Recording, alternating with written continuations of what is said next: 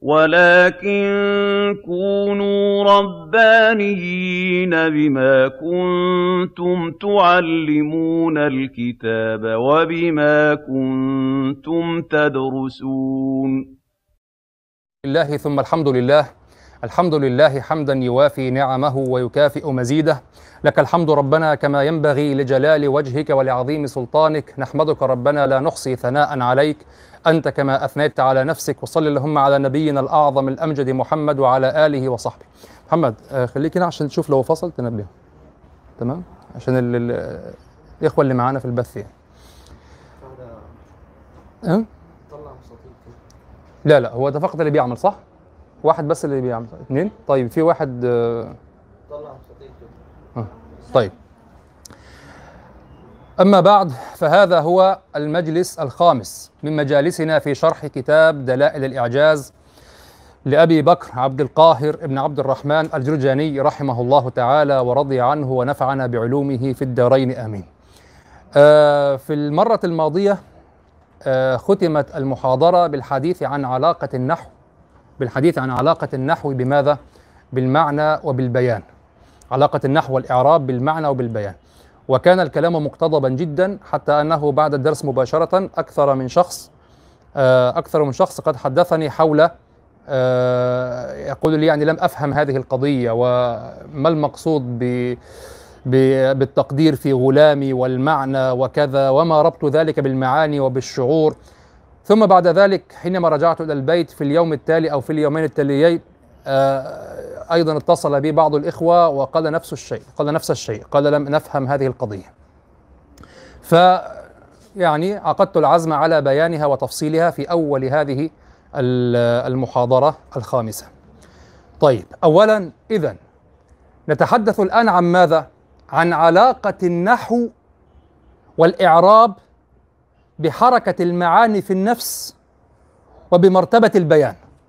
نتحدث عن علاقة النحو والإعراب بحركة المعاني في النفس وبمرتبة البيان. قبل كل شيء طيب دعونا نبدأ من من الأول من التأسيس. النحو أو الكلام ينقسم إلى ماذا؟ إلى معرب ومبني. حينما ننظر هكذا إلى ال- الكلام إلى الجملة نرى فيها ما هو معرب وما هو مبني. خلاص؟ طيب ما الفرق بين المعرب والمبني؟ ما الفرق بين المعرب والمبني؟ الذي تعريف الجمهور التعريف المشهور أن المعرب هو الذي تتغير أحوال آخره أو يتغير آخره لتغير العوامل الداخلة عليه أو بحسب العوامل الداخلة عليه ليدل على المعنى واضح؟ هذا تعريف الجمهور وابن الحاجب يقول المعرب المعرب هو المركب يقول المركب الذي لم يشبه مبني الأصل. يقول المركب الذي لم يشبه مبني الأصل. طيب ما هو مبني الأصل؟ الحرف وفعل الأمر والفعل الماضي. هذا مبني الأصل. الحرف وفعل الأمر والفعل الماضي. هذا مبني الأصل. وابن الحاجب له غرض في هذا التعريف أن يقول هو المركب الذي لم يشبه مبني الأصل وأن يترك تعريف الجمهور المشهور وإن كان ذلك أسهل لا سيما على المبتدئ. وهو تغير أحوال تغير أحوال أواخر الكلم بتغير العوامل الداخلة عليها لفظا أو تقديرا. واضح؟ فترك هذا لدقة في التعريف ولغرض عنده. ليس هذا مجال الحديث فيه. ولكن حينما عرف الإعراب ماذا قال؟ قال هو الذي هو ما يتغير آخره أو ما تغير آخره لاختلاف العوامل لفظا أو تقديرا. هكذا عرفه في كافيته قال ما تغير أو ما اختلف آخره. لماذا قال ما اختلف؟ ولم يقل اختلاف لأن الإعراب عند آه عند ابن الحاجب لفظي وليس معنويا. وهذه أيضا قضية لا تشغلنا الآن. فيقول الإعراب هو ما اختلف. آخره لاختلاف العوامل لفظا أو تقديرا ليدل على المعاني المعتورة عليه. هذا ما نريده من التعريف. ما اختلف آخره. وحتى لو جريت على طريقة الجمهور اختلاف آخره أو اختلاف أواخر الكلمات واضح؟ باختلاف العوامل الداخلة أو باختلاف المواقع في الكلام لفظا أو تقديرا ليدل على المعاني المعتورة عليه. إذا الإعراب الذي يقابل البناء الإعراب يتعلق بالمعاني. يعني اختلاف أواخر الكلمات المعربة يتعلق بماذا؟ يتعلق بالمعاني. وهذا تفهم منه أن المبنيات لا يحصل فيها الاختلاف. المبنيات لا يحصل فيها الاختلاف. فإذا نظرت إلى المبنيات مثلا إذا نظرت إلى الحروف لأنه قال في تعريف المعرب ابن الحاجب قال في تعريف المعرب هو المركب الذي لم يشبه مبني الأصل. يعني هناك ما هو مبني في الأصل وهناك ما هو مبني لأنه أشبه هذا الذي بني في الأصل. ابن مالك يقول والاسم منه معرب ومبني لشبه من الحروف مدني كالشبه الوضعي في اسمي جئتنا والمعنوي في متى وفي هنا وكنيابة عن الفعل بلا تأثر وكافتقار أصلا. ومعرب الأسماء ما قد سلم من شبه الحرف كأرض وسمى وفعل أمر ومضي بني وأعرب مضارعا إن عري من نون توكيد مباشر ومن نون إناث كيرعن منفت وكل حرف مستحق للبناء. هنا انتهى الشاهد لأن بعد ذلك سيقول والأصل في المبني أن يسكن سينطلق إلى بيان علامات البناء. فيقول ومعرب الأسماء ما قد سلم من شبه الحرف كأرض وسمى وفي و أو قبلها يقول والاسم منه معرب ومبني لشبه من الحروف مدني إذا جعل الحرف أصلا وألحق به الشبيه. كأن ذلك ليس من الأصل أن يكون معربا وإنما لشبهه بالحرف. واضح؟ يقول و يقول والاسم منه معرب ومبني لشبه من الحروف مدني كالشبه الوضعي في اسمي جئتنا والمعنوي في متى وفي هنا وكنيابة عن الفعل بلا تأثر وكافتقار أصلا ومعرب الأسماء ما قد سلم من شبه الحرف سلم. انظر سلم إذا على الأصل في الإعراب ومعرب الأسماء ما قد سلم من شبه الحرف كأرض وسمى وفعل أمر ومضي بني وأعرب مضارعا إن عري من نون توكيد مباشر ومن نون إناث كيرعن منفت وكل حرف مستحق للبناء. طيب لو نظرتم إلى هذا المبني أصالة وهو الحروف وجدتم ماذا؟ تذكرون لما درستم الأقسام الكلمة اسم وفعل وحرف. الحرف كلمة دلت على معنى في غيرها. يعني الفعل كلمة دلت على معنى في نفسها مع ارتباط بالزمن. الاسم كلمة دلت على معنى في نفسها بغير ارتباط بالزمن. الحرف كلمة دلت على معنى في غيرها. الآن لابد أن تفهم فلسفة القضية. ما الأمر؟ لماذا كانت الحروف مبنية؟ لماذا تلزم حركة واحدة؟ لماذا نحركها إذا ارتبطت الحركة بالإعراب؟ اختلاف أواخر الكلمات لفظا أو تقديرا درس كده لازم ننبه. لذلك كان لازم يكون حد ورا الكلام تمام؟ طيب انقطع البث ثم رجعنا. آه كنت أقول إذا نحن نسأل لماذا كانت الحروف مبنية؟ والسؤال لماذا تكون معربة أصلا إذا ارتبط الإعراب بالبناء؟ يعني إذا كان الغرض من الإعراب هو أن يدل على المعاني المعتورة على المعرب. وكان الحرف في نفسه أصلا لا يدل على معنى في نفسه. يعني هو أصلا لا يدل على معنى في نفسه. الحرف عبارة عن ماذا؟ آه شوف دبارة خيط. إلى من وإلى وعن وعلى. خيط. حرف. قطعة صغيرة وصلة. في وصلة هي وصلة. الحرف قطعة تربط المعاني. واضح؟ فهذه القطعة هي كال كال كالحلقة المصمتة. الصغيرة هكذا مفرغة ومصمتة. لا, لا, لا معنى لها إلا أن تربط بين شيئين. هي نفسها لا تعتبرها المعاني لأنها لا تحمل معنى في نفسها ليتقلب هذا المعنى. بخلاف مثلا كلمة ضرب تأتي وتقول ضرب. طيب تجعلها فاعلا. ضرب أو تجعلها ضارب على اسم الفاعل وتجعله فاعلا فلان أو أو على الخبر فلان ضارب. واضح؟ كلمة ضرب فعل ماضي. هل سترى الفعل الماضي يتغير آخره أو يحتاج إلى أن تتعاوره المعاني ليتغير آخره؟ الفعل الماضي. ضرب. هل يحتاج؟ لا لكن زيد من جهة كونه اسما. آه وضارب. يحتاج. مرة يقع مخفوضا. إلى ضارب عن ضارب قام ضارب ضرب ضارب آه رأيت ضاربا فاختلف الموقع فيحتاج إلى التغير لأنه يحمل معنى في نفسه وهذا المعنى يمكن أن يتقلب أما الحرف فلا يحمل معنى في نفسه ولهذا هذا هذه هذه الحروف التي هي من المبنيات بالأصل تلحقها مبنيات بالشبه من الأسماء واضح؟ يعني ما الذي بني من الأسماء ما أشبه الحرف؟ بقطع النظر عن النقاش في ذلك وبعض الخلاف في ذلك أو الأخذ والرد في هذه المسألة.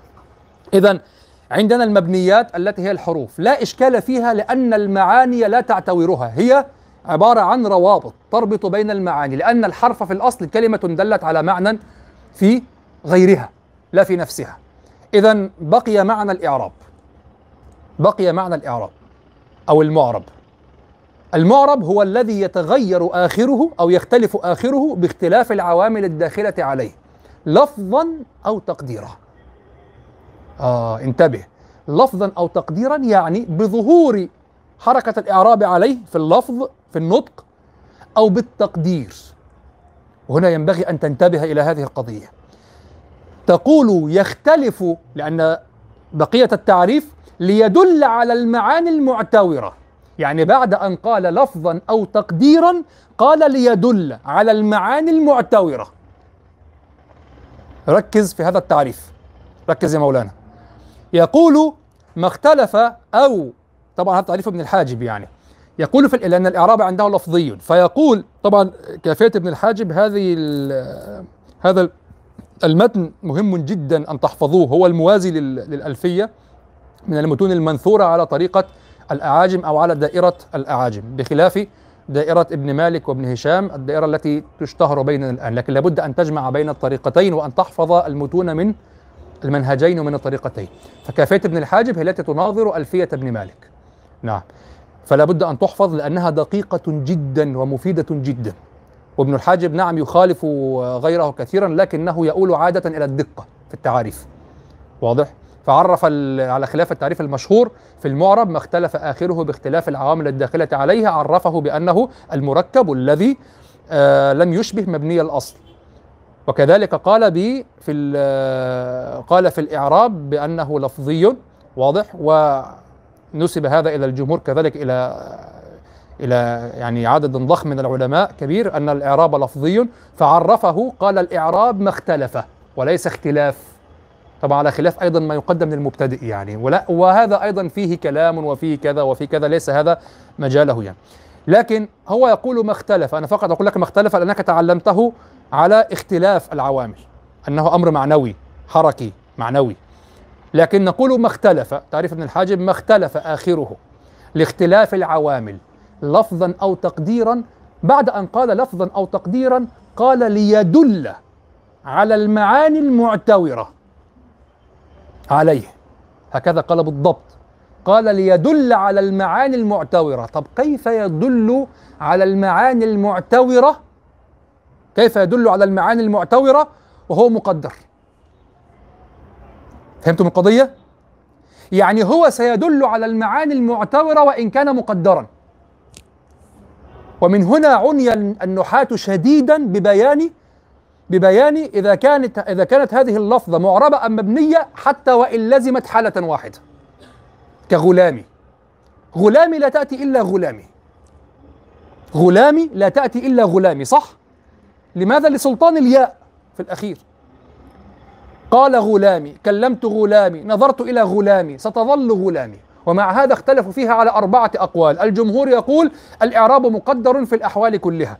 ابن مالك يقول الإعراب مقدر في الرفع والنصب وظاهر في الخفض.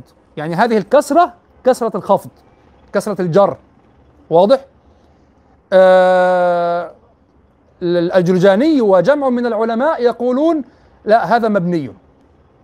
لأنه أضيف إلى مبني فصار مبنيا. ابن جني يقول لا يوصف بشيء من هذا أصلا لا إعراب ولا بناء. طيب ما أثر ذلك؟ هنا السؤال ما أثر ذلك؟ أثر ذلك أنك لو قلت إنه معرب وهو مقدر في إعرابه لو قلت هذا إنه معرب وهو مقدر في إعرابه سيكون هذا الإعراب دالا على المعاني المعتبرة عليه. يعني نيتك أنت نيتك أنت تظهر ماذا؟ تظهر حركة المعنى هنا.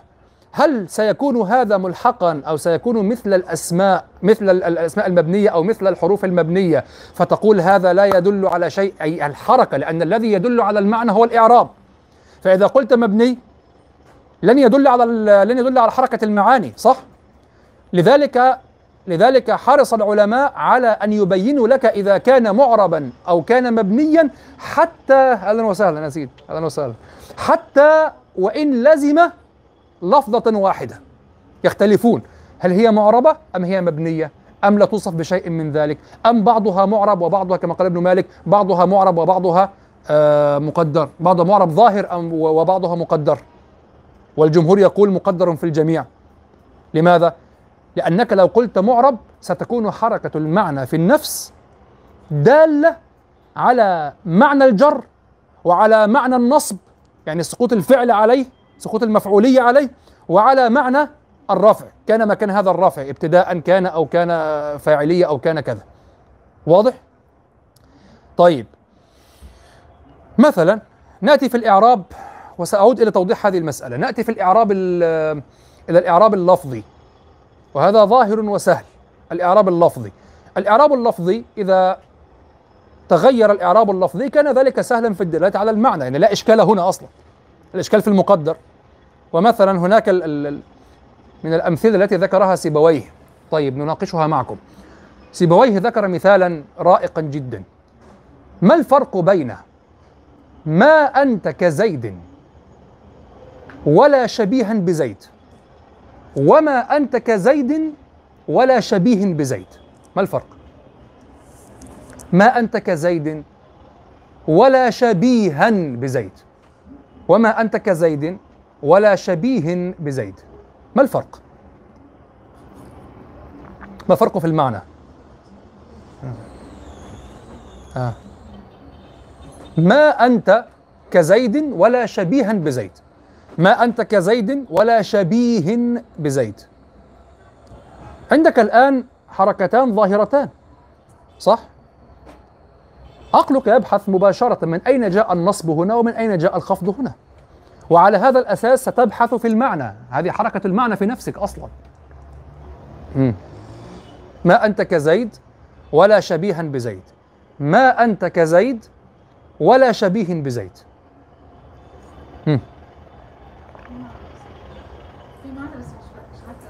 حاول الشرح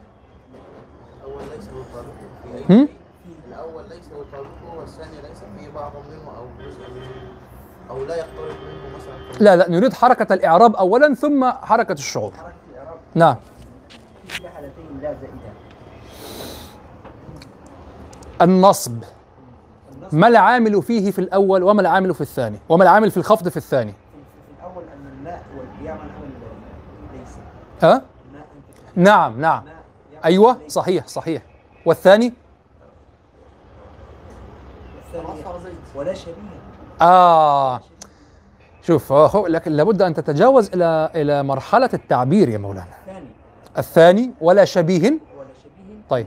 الواو والمع- ع- عاطفة لا لا السؤال ما العامل في خفض شبيه؟ في فرض شبيه مم. أنه معطوف من آه ليس أنه معطوف. العامل هو الكاف. يعني الكاف أثرت ونقلت العمل. الواو نقلت العمل. نعم. نعم طيب. إذا قلت ما أنت كزيد؟ ولا ما أنت كزيد ولا شبيها بزيد كأنك قلت لست كزيد لست شبيها بزيد. يعني كلمة شبيها المنصوبة ناظرت ماذا؟ ناظر بجملتها هكذا ناظرت جملة كزيد. ما أنت كزيد. ليس أنت هذه ما تعمل عمل ليس. ليس أنت كزيد. ولا شبيها لما وجدت النصب هنا معناه أن الذي عمل في كزيد ولكن لم يظهر عمل في شبيها أيضا. فصار المعنى لا أنت أو ما أنت كزيد وما أنت شبيها بزيد. يعني كأنك قلت لست كزيد لست أنت لست كزيد لست شبيها بزيد. فنفيت الشبيه أصلا. لكن لو قلت ما أنت كزيد ولا شبيه. ما الذي سيعمل بالخفض هنا في الشبيه؟ الذي عمل فيه زيد. فصار الكلام في الشبيه تابعا لماذا؟ لزيد. وتأثر بالكاف. الذي عمل فيه الذي نقل العطف هنا نقل عمل نقل عمل العامل الذي هو الكاف إلى الشبيه. كأنك قلت ما أنت كزيد ولا كشبيه زيد على واضح؟ ما أنت كزيد ولا شبيه أي ولا كشبيه بزيد فأثبتت الشبيه. ولكن نفيت أنك تشبه ماذا؟ تشبه الشبيه. فهمت؟ يعني الأولى على النصب ما أنت كزيد ما أنت شبيها بزيد فنفيت الشبيه اطلاقا. الثانية أثبتت الشبيه ونفيت الشبه به. ما أنت كزيد ولا كشبيه زيد. فأثبتت شبيها ونفيت الشبه عن شبيه زيد. فهمتم؟ طيب ما الذي آه يعني ما الذي تختاره في التعبير عن هذه المعاني وكذا؟ هذا يقضي به السياق والمراد دائما. فرق بين ما أنت كزيد ولا شبيه بزيد ما أنت كزيد ولا شبيها بزيد. طيب هناك مثال آخر حتى تعلم كيف أن الإعراب الظاهر أما أتكلم عن الإعراب الظاهر الآن ثم أنتقل إلى الإعراب المقدر. هناك كذلك مثال وذكره الزمخشري في الكشاف. الله تعالى يقول في سورة الحج ألم تر أن الله أنزل من السماء ماء فتصبح الأرض مخضرة؟ لماذا لم تنصب على على الجواب جواب الاستفهام؟ واضح؟ لماذا تنصب على جواب الاستفهام؟ ها. أنت جئت هنا بالفاء وبعدها أن المحذوفة وجوبا. معروف أن الفاء إذا جاء إذا سبقت بال- بالنفي أو بالطلب والطلب منه كذا وكذا ومنه الاستفهام. وإذا جاء الاستفهام أو جاء الطلب بالفعل المتمحض في الفعل جاء الطلب بالفعل الذي من صوره الاستفهام فيكون ال- الفعل منصوبا بماذا؟ الذي يكون بعد الفاء. يكون منصوبا بماذا؟ بأن المحذوفة وجوبا. كما قال الشاعر هل تعرفون لباناتي هل تعرفون لباناتي آه هل تعرفون لباناتي فأرجو أن هذا هو الشاهد فأرجو. هل تعرفون لباناتي فأرجو أن تقضى فيرتد بعض الروح للجسد؟ بيت جميل صح؟ هل تعرفون لباناتي يعني حاجاتي فأرجو أن فيبني على هذا السؤال يبني عليه الجواب بالفاء يبني عليه ما بعده. واضح؟ قل هل تعرفون وه- وهذا مب- كما قالوا مبني أو منصوب على ماذا؟ منصوب بماذا؟ بأن المحذوفه وجوبا بعد الفاء المسبوقة بالطلب أو بالاستفهام. فيقول هل هل تعرفون لباناتي فأرجو أن تقضى؟ فيرتد بعض الروح للجسد؟ هذا من الشواهد على أنه غير معروف لكن غير معروف القائل. لكنه من الشواهد المذكورة في من عصر الاستشهاد. وأنبه هنا إلى هذه القضية الخطيرة والمهمة. لا يمكن أن يعني إذا درست النحو دون حفظ الشواهد كأنك لم تفعل شيئا تقريبا. لأنك يأتي شخص ويهد لك كل شيء يهدم لك كل شيء يقول لك طيب ومن أين جئت بكل هذا أصلا؟ ستقول كلام ابن هشام ستقول كلام ابن مالك كل هؤلاء ليسوا بحجة في اللغة. يعني ليسوا مصدرا للغة. فيؤتى بالمثال الذي لا يضر أنه يجهل صاحبه وكذا فاذا إذا لم تحفظ الشواهد فأنت لا تعرف أصولك. هذه المشكلة. وأخوكم كامل يحفظ الشواهد من كتب النحو من أوضح المسالك صح؟ الحمد لله. فالشاهد على هذا النصب قول الشاعر هل تعرفون لباناتي فأرجو أن تقضى فيرتد بعض الروح للجسد؟ الشاهد في قوله فأرجو أن. هل تعرفون لباناتي فأرجو أن الكلام هنا مكون من جزئين صح؟ بني الثاني ما بعد الفاء على الأول. هل تعرفون لباناتي فأرجو أن فنصب الفعل بأن المحذوفة وجوبا. طيب لماذا لم نحذف؟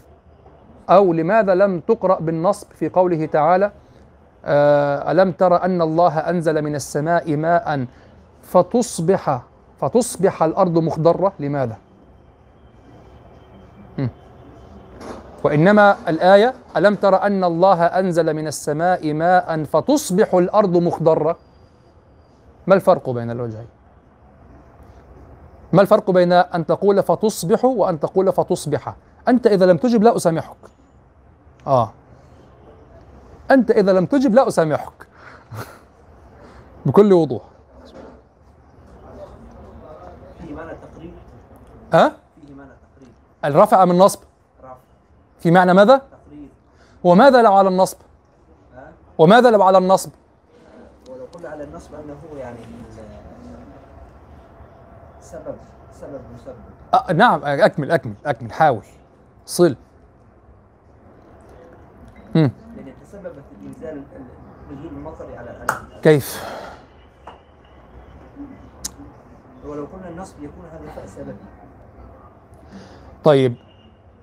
إذا أنت إذا أنت لا لحظة لحظة لحظة لحظة. إذا أنت لحظة.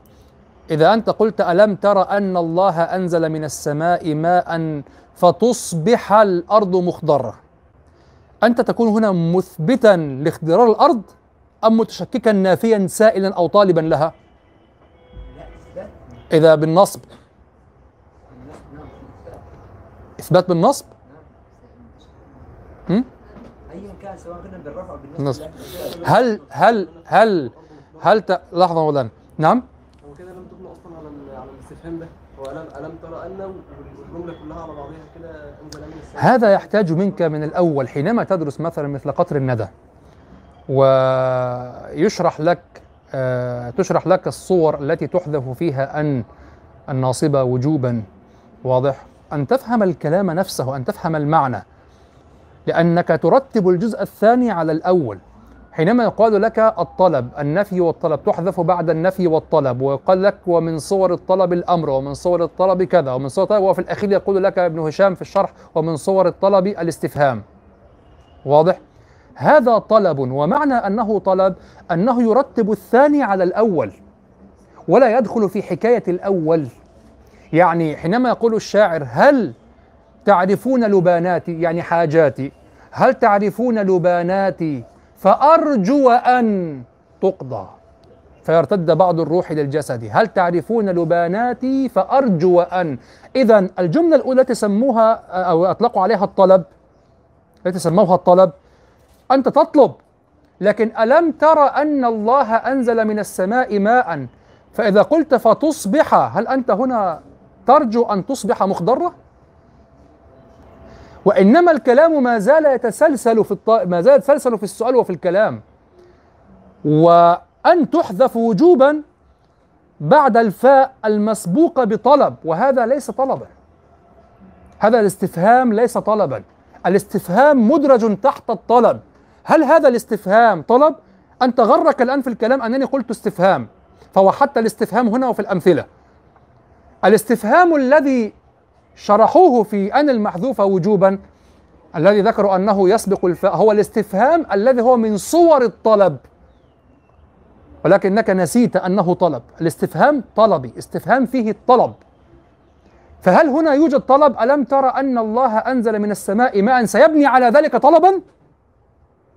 فتصبح فأنت ترجو أن تصبح الأرض مخضرة؟ لا. وإنما هو إقامة حجة بأن الأرض أصبحت مخضرة. ألم ترى أن الله أنزل من السماء ماء فتصبح الأرض مخضرة؟ فهمتم الفرق بين الصورتين؟ هو استقرار، صح؟ جواب على ألم ترى يعني للرؤية؟ لا يصح لأن لا الجواب لابد أن يكون في الاستفهام الذي فيه معنى الطلب. هذا ليس طلبا هذا السياق إقامة حجة إقامة حجة. أليس هذا مثل آه، آه، مثل ألم نشرح لك صدرك؟ ثم أين المضارع الذي بعد الفاء؟ وأين أين الناصبة المحذوفة؟ ألم ترى ألم نشرح لك صدرك؟ ألم نشرح لك صدرك؟ ألم نشرح لك صدرك؟ إذا ورد بعدها ما يكون من الأمر. آه. ثم ماذا؟ المشكلة ليست في الطلب يا مولانا ليست في الاسم. المشكلة الطلب يأتي بعد الفاء. الشيء المطلوب الشيء المطلوب أنت تقول الاستفهام. الاستفهام الذي في معنى الطلب. أنت تقول ماذا؟ تقول ماذا؟ هل تنظ... هل تعرفون لباناتي هل تعرفون لباناتي هذا استفهام. سيؤول ما بعده إلى الطلب. استفهام سيأتي بعد الفاء التي تليه طلب. فهمتم؟ هذا الطلب مبني على الاستفهام. فهو أصلا يسأل لأجل ماذا؟ يسأل لأجل ماذا؟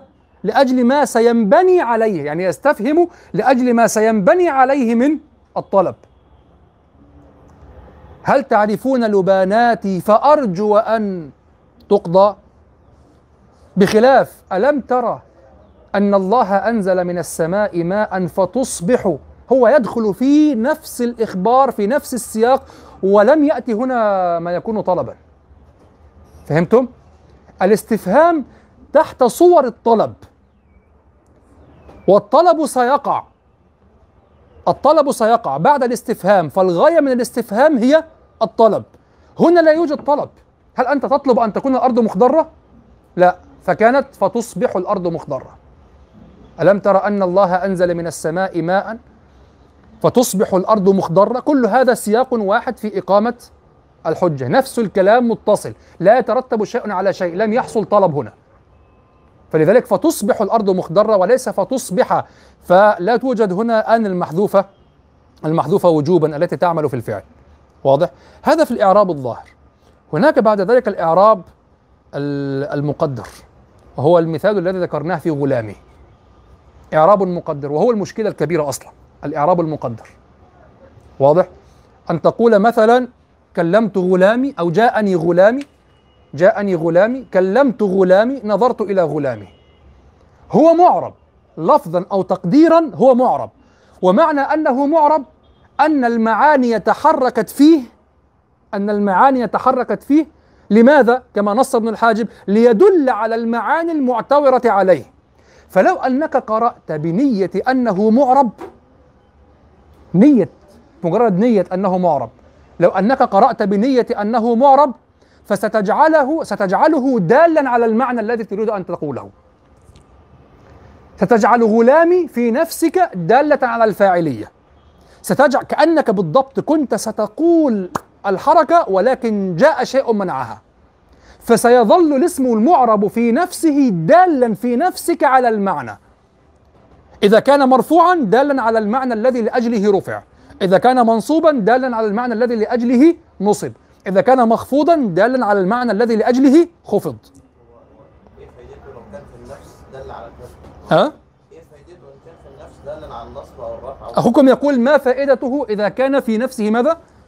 دل على الرفع أو التقدير أو في اعراب في البناء ما معنى أن يقال لك هذا معرب مقدر أن العرب لولا أن العرب لولا طروء هذا لولا طروء هذا الطارئ الذي منع الحركة لكان ذلك معربا وستكون النية أنه معرب. وفي هذا كما قلت رد على من رد على من يسخرون من النحاة ويعترضون على النحاة يقولون يشتغلون اشتغالا عظيما جدا ويتعبون أنفسهم ويتكلفون التوصيف لشيء حركته واحدة. يعني هو جاء غلامي كلمني غلامي واضح؟ كلمت غلامي نظرت إلى غلامي. كلها مي مي مي. فلماذا تشتغل في توصيف هذا؟ قلها مي سبحان الله. وهل وهل الخفض عندك؟ هل الحركة حركة الكسر عندك؟ أو أي حركة عندك؟ هل هي فقط صوت صرف؟ لا. لو كان صوتا صرفا لم تؤثر النية. أليست حركة عطف البيان أليست حركة عطف البيان والبدل واحدة وإنما يفرق بين عطف البيان والبدل النية؟ فقط. عطف البيان والبدل من التوابع رؤوس التوابع وحركتهما واحدة في الكلام. كيف تفرق بينهما؟ النية ماذا نويت أنت؟ عطف البيان تقصد به البيان عن عن الشيء الذي ذكرته كأنك لا تلغيه لا تلغيه أصلا.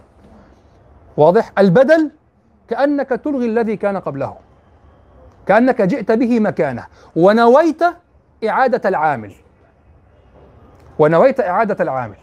والمثال الذي أذكره دائما في هذا هو قل أعوذ برب الناس ملك الناس إله الناس.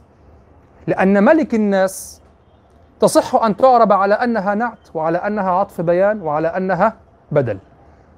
هي في كل الأحوال ملك الناس. قل أعوذ برب الناس ملك الناس. أنا أقول هذا المثال دائما لأنه هو الذي بدأت به. قديما لما بدأت أن أطبق ال ال ال أن أطبق هذا التدبر في قراءتي في القرآن وأن أختار الوجوه الإعرابية وكذا لما بدأت القراءة في إعراب القرآن وكذا فبدأت أرى السياقات والفرق بين وجه في الإعراب ووجه آخر وأقرأ بنية فوجدت نية البدل تقفز إلى يعني في صدري هكذا تبادر إلى صدري نية البدل لماذا؟ لأن البدل تنوي فيه إعادة العامل ما المعنى؟ أنت في كل الأحوال تقرأ قل أعوذ برب الناس ملك الناس إله الناس صح؟ طيب لما تقول ملك الناس إذا نويت النعت فأنت تقول قل أعوذ برب الناس وتثبت المنعوت الرب تثبت المعنى في نفسك وتبدأ معنى تصف به المنعوت خلاص؟ طيب والعطف البيان قل أعوذ برب الناس ملك الناس ليس خالصا في التبعية كالصفة وإنما تقول قل أعوذ برب الناس ملك الناس كأنك تبين إذا كأنك أحضرت كلمة فيها نوع من الإجمال وتبين عن هذا المبين. طيب والبدل شيء ثالث تماما. تقول قل أعوذ برب الناس ملك الناس أنت تنوي إعادة العامل كأنك تعيد الكلام من الأول كأنك قلت قل أعوذ برب الناس. قل أعوذ بملك الناس. فهمتم الفرق؟ نيات ثلاث في الكلام والحركة واحدة. والحركة واحدة. ولهذا يهتمون شديدا ببيان التوصيف مع اتحاد الحركة. يختلف الإعراب والحركة واحدة. بحسب المعنى الذي يسير فيه السياق في ذهن الفاهم في ذهن المتدبر أو المتذوق. واضح؟ وتختلف تتفق الحركة ويختلف الكلام أصلا هذا اختلاف أوسع. هل هو معرب؟ قبل أن نتكلم في الإعراب أصلا في تفصيل الإعراب هل هو معرب أم مبني؟ أم لا يوصف؟ هذا مما لا يفهمه الذين يعترضون على النحاة بالتكلف ويقول تكلفوا ولا تكلف. لا النحاة يتكلمون في صور النحو التي تنعكس على حركة المعاني في النفس. لهذا قلت لكم عنوان هذا البيان الآن علاقة النحو علاقة النحو والإعراب بحركة المعاني ومرتبة البيان. أنت تأتي تقرأ في كتب التفسير أو كتب الإعراب أو كذا قل أعوذ برب الناس ملك الناس ملك مخفوض على النعت أو على عطف البيان أو على البدل. هل أنت ستقرأ في القرآن تقرأ في الصلاة تتدبر أو تتدبر من المصحف وأنت تقرأ هكذا وستفكر في الثلاث؟ لا.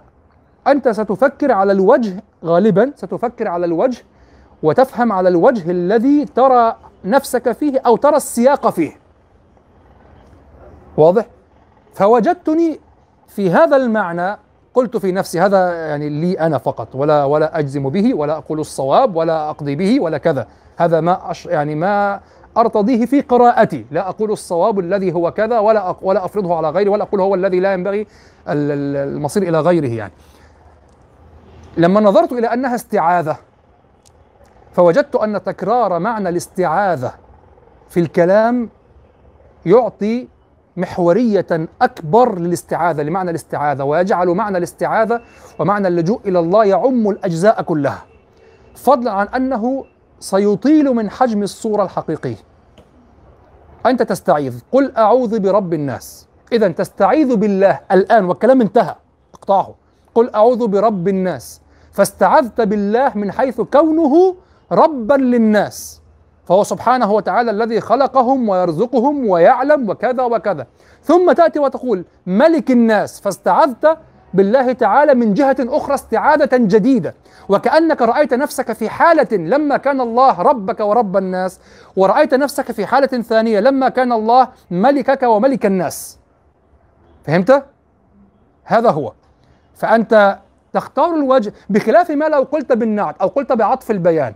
فأنت إما أن تأتي بالنعت لمنعوت فرب الناس لم تذهب من صدرك هي حاضرة الآن أو تقول أبين فرب الناس أيضا حاضرة وتضيف إليه بيانا لا أنك تنعته تبين نعتا أو صفة. هذا إذا قلت بالنعتية أو بعطف البيان. أما إذا قلت بالبدلية فأنت تنوي إعادة العامل. وكما قلت هذا يرد به على الذين يقولون النحاة تكلفوا بيان بيان المعاني وبيان التوصيف يتكلفون توصيف الحركة مع أن الحركة واحدة. هذا يلزم منه أن الحركة عندك صوت فقط لن تدل على شيء. النحاة يتكلمون في ماذا تدل الحركة على ماذا تدل الحركة في ذهنك. يعني إذا قلت نعتا كيف ستقرأ؟ إذا قلت بدلا كيف ستقرأ؟ إذا قلت عطف بيان عطف بيان كيف ستقرأ؟ يعني إذا قلت إن الكلمة هنا عطف بيان كيف ستقرأ؟ إذا قلت إنها بدل كيف ستقرأ؟ إذا قلت نعت كيف ستقرأ؟ ما نيتك في القراءة؟ هذا هو. طيب ولما تق... لما أرادوا أن يبينوا إذا كانت معربة أم مبنية كأنهم يقولون لك هل ستفكر في معنى أصلا؟ لأن الذي يدل على المعاني التي تعتبر على الكلمة هو المعرب. فلو قال لك إنها معربة فأنت تنتظر المعاني في نيتك أيضا. لو قالوا لك مبنية لا تفكر في معنى والكلمة استمر هكذا كالحروف التي هي روابط تدل على معان في غيرها. والاسم منه معرب ومبني لشبه من الحروف بدني لما ال- ال- الاسم يقترب في الشبه في من ال- الحروف يأخذ حكمه في البناء. لماذا؟ ليس فيه من المعاني ما يتقلب يحتاج إلى الإعراب باختلاف المواقع مع بقاء الاسمية له. فهمتم هذا؟ بل هناك ما هو أكثر من ذلك. أحيانا يكون المعنى واحدا في الحرف أو في الكلمة أو كذا ويختلف في أثره وتفسيره بحسب فهم السياق وبحسب معرفة أثره مرتبة أثره. وينبني على ذلك خلافات فقهية كالواو التي في آية الطهارة من سورة المائدة. يا أيها الذين آمنوا إذا قمتم إلى الصلاة فاغسلوا وجوهكم وأيديكم. مفعول ها؟ فاغسلوا وجوهكم وأيديكم إلى المرافق وامسحوا برؤوسكم وأرجلكم إلى الكعبين. وأرجلكم إلى الكعبين. طيب هذه الواو لا تفيد الترتيب. هذا الحرف حرف المعنى هذا لا يفيد الترتيب. ليس كثم والفاء. لا يفيد تعقيبا ولا ترتيبا ولا شيء ولا أي شيء. يفيد كما يقولون مطلق الجمع. ولكن يعني هم لم يتكلموا في هذا المعنى ولكن أو على المشهور ولكن موقعها موقع الواو في هذا الموضع إلى فصل حالا لسه؟ طب شوفي كده.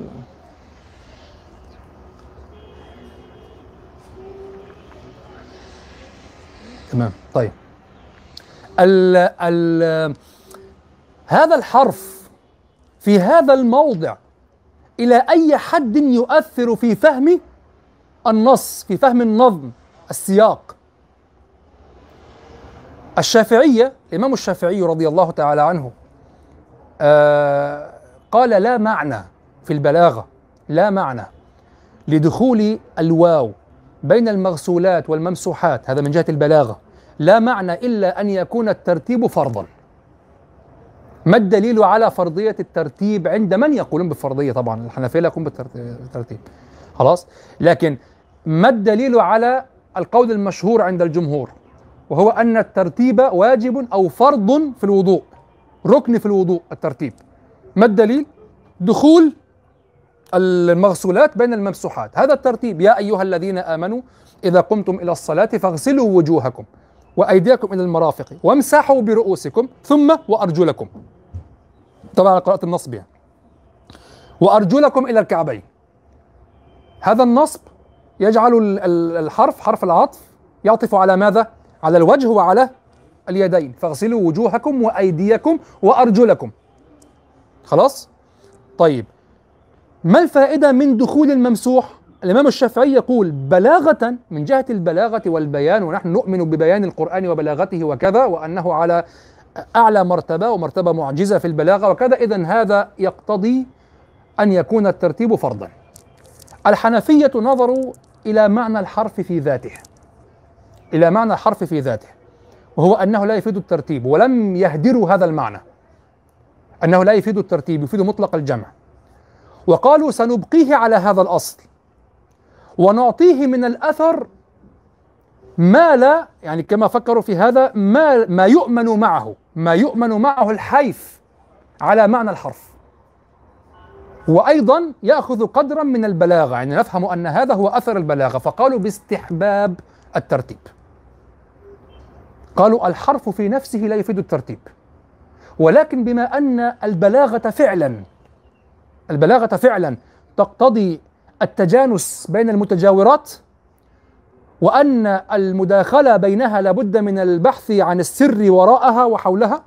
وهذا له أثر بالمناسبة في شعر الجاهليين.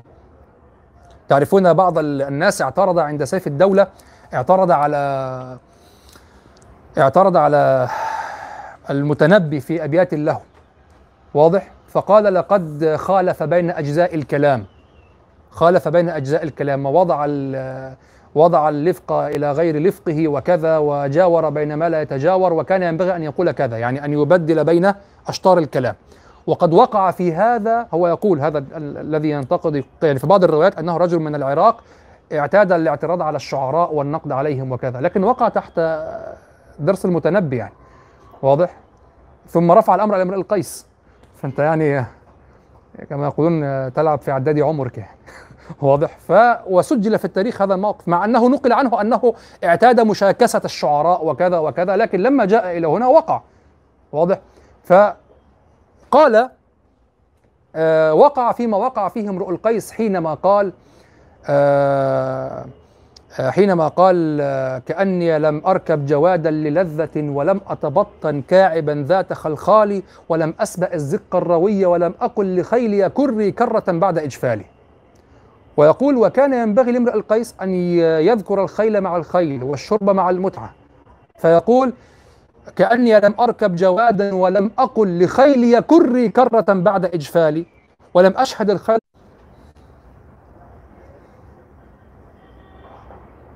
تمام؟ رجع البث. تمام. طيب نعتذر الإخوة الذين يحضرون البث يعني أنه انقطع. أه أقول امرؤ القيس يقول كأني لم أركب جوادا للذة ولم أتبطن كاعبا ذات خلخال ولم أسبأ الزق الروي ولم أقل لخيلي كري كرة بعد إجفاله فاعترض البعض على هذا هذا الناقد الذي أخذ على المتنبي بعض بعض النقد وقال لقد أخطأ كما أخطأ امرؤ القيس من قبله في كذا وكذا فكان رد المتنبي ماذا؟ هو يقول كان كان ينبغي على امرئ القيس؟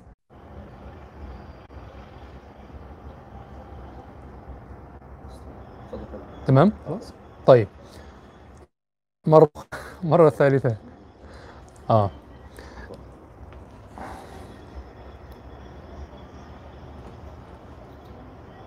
فصل؟ لا هو شغال أهو. تمام تمام. طيب. فجاء هذا الذي انتقد على المتنبي وقال يعني لقد أخطأ المتنبي كما أخطأ من قبله امرؤ القيس وكان ينبغي على امرئ القيس أن يقول آه كأني لم أركب جوادا ولم أقل لخيلي كري كرة بعد إجفالي ولم أسبأ الزق الروي للذة ولم أتبطن كاعبا ذات خلخال. ليضع الخيل بجوار الخيل في يعني الحصان الذي ذكره يركب الخيل وكذا وقال للخيل كري كرة بعد إجفالي يعني لينقذ أصحابه وكذا ويشتري الزق الروية يعني الزق الكبير الذي يروي الجماعة وكذا ويتبطن كاعبا ذات خلخالية. واضح؟ فقال هنا آه المتنبي قال لو أخطأ امرؤ القيس فقد أخطأت ولكن لم يخطئ امرؤ القيس. وإنما أراد امرؤ القيس خيل اللذة وليس خيل الحرب. فقال كأني لم أركب جوادا للذة. خيل الصيد. امرؤ القيس معروف بخيل الصيد. تمام؟ تمام؟ فصل؟ تمام تمام. فكأني لم أركب جوادا للذة ولم أتبطن كاعبا ذات خلخال. يعني في النهار آه، أخذ يصيد وكذا وكذا وسهر وكذا ثم بات مع كاعب ذات خلخال. ثم. انتقل إلى معنى آخر وهو في الشمول في العموم إكرامه لأصحابه فنوع ولم أسبأ الزق الروي أراد أن ينوع رئاسته وزعامته لأصحابه فهو معهم في ماذا؟ في اللهو هو الذي يسبأ الزق يعني يشتري والسباء هنا لا يستعمل إلا مع الخمر في شراء الخمر يعني فهو يشتري الزق الروي يعني ال ال ال القدر الذي يروي الجميع يروي كل الشرب يعني المجموع من الأصحاب. ولم أسبأ الزق الروي ولم أقل لخيلي كري كرة بعد إجفالي يعني بعد تراجع. يعني أصحابه في غارة أو في غزو أو كذا أو كذا بعد أن تراجعت خيلهم هو جاء وأنقذهم وقال كري كرة بعد إجفال يعني جاء بخيله وأنقذ أصحابه. فهو مع أصحابه في اللهو ومع أصحابه في الحرب. وفي اللذة يلتذ بالخيل والصيد ويلتذ بالنساء. فنوع في صورة اللذة ونوع في صورة الإكرام لأصحابه. كأني لم أركب جوادا للذة لأنه في سياق القصيدة ألأ عم صباحا كان يذكر ماضيه بعدما قيل له آه إنك كبرت ولا يحسن اللهو أمثالك يعني. فقال كأني لم أركب جوادا للذة هذا نوع من اللذة الصيد. ولم أتبطن بعد ذلك كاعبا ذات خلخال. ثم ينتقل إلى علاقته بأصحابه فنوع. فقال ولم أسبأ الزق الروية ولم أقل لأصحابي أيضا أي في خدمة أصحابي أيضا في إكرام أصحابي أيضا. أنا يعني في السلم وكذا اشتريت لهم الخمر ونشرب ونسكر. وأما في الحرب ولم أقل لخيلي كري كرة بعد إجفالي. فانظر إلى التنويع الذي أفسده مجرد رصف الطوب والحجارة الذي أراده هذا الناقد. وكان المتنبي أفهم منه مئة مرة لما قال وكله ثقة. قال لو أخطأ امرؤ القيس أخطأت أنا. ولكنه لم يخطئ وشرح هذا الكلام. واضح؟ هذه القصة موجودة في مروية في تجدونها في العمدة لابن رشيق وفي المثل السائر لابن الأثير. واضح؟ والروايات كأنها يكمل بعضها بعضا أو يدعم بعضها بعضا. لكن المتنبي هنا كان أفهم من هذا الرجل. انظروا كيف كانت ستفسد هذه المعاني لو أنه قال آه آه يقول فلا آه كأني لم أركب جوادا للذة كأني لم أركب جوادا ولم أقل لخيلي كري كرة بعد إجفالي طب وما فائدة أنك ركبت الجواد؟ لن تقول كري وأنت على الأرض يعني. لماذا شغلت شطر البيت؟ كأني لم أركب جوادا ولم أقل لخيلي كري كرة بعد إجفالي ولم أسبأ الزق الروية للذة. للذة؟ الزق لا تقول للذة أصلا. يعني إيه تسبأ الزق تسبأ الزق للذة؟ يعني ما هي للذة. لكن الخيل للذة شيء آخر. لكن الزق الروي للذة فيه حشو. ولم أسبأ الزق الروي للذة ولم أتبطن كاعبا ذات خلخالي أفقدتنا التنويع أصلا. واضح؟ كذلك هنا نظر العلماء في دخول الممسوحات بين المغسولات أو دخول بالضبط يعني الفصل بين المغسولات والممسوحات بال بال بالفصل بين المغسول والمغسول بالممسوح. يا أيها الذين آمنوا إذا قمتم إلى الصلاة فاغسلوا وجوهكم وأيديكم إلى المرافق وامسحوا برؤوسكم ثم وأرجلكم إلى الكعبين. هذه هذه الصدمة الأسلوبية السياقية لابد أن يكون وراءها شيء من البلاغة. واضح؟ الشافعية صعدوا الأمر إلى الفرض الحنفية نظروا إلى دلالة الحرف في ذاته وقالوا هذا الحرف في هذا السياق وفي كل السياقات عنده معنى الأصلي وهو أنه يفيد مطلق الجمع. ولكن في هذا السياق سنأخذ قدرا لأجل السياق لحرمة السياق سنأخذ قدرا ونقول باستحباب الترتيب في الوضوء. ومن هنا تعرفون الفرق من أين جاء الخلاف بين الحنفية والجمهور أو الحنفية والشافعية في وجوب الترتيب في الوضوء. لا نقول إلا بالاستحباب وهم يقولون بالفرض. واضح؟ طيب. بل تنظر في النحو أيضا إلى المعمولات وإلى موقعها من الذكر أو الإلغاء. يعني أنا كل هذا أرد به على من يقولون لماذا توصفون هذا الكلام دون آه أن يكون وراءه أثر معين أو كذا. لا وراءه أثر. حينما تقرأ قول الله تعالى قل هل يستوي الذين يعلمون والذين لا يعلمون؟ يعلم فعل متعد أم لازم؟ يعلم. متعدي أم لازم؟ ليس في هذا السياق. يعلم عموما. الفعل يعلم. يتعدى أم لازم؟ يعني هل ينبغي أن أن يتعدى معناه وأثره إلى موضع هو المفعول؟ أم يلزم نفسه كجلس ومشى؟ ها؟ متعدي. صح. لازم إزاي؟ كيف لازم يعني؟ يعلم شيئا. لابد من معلوم.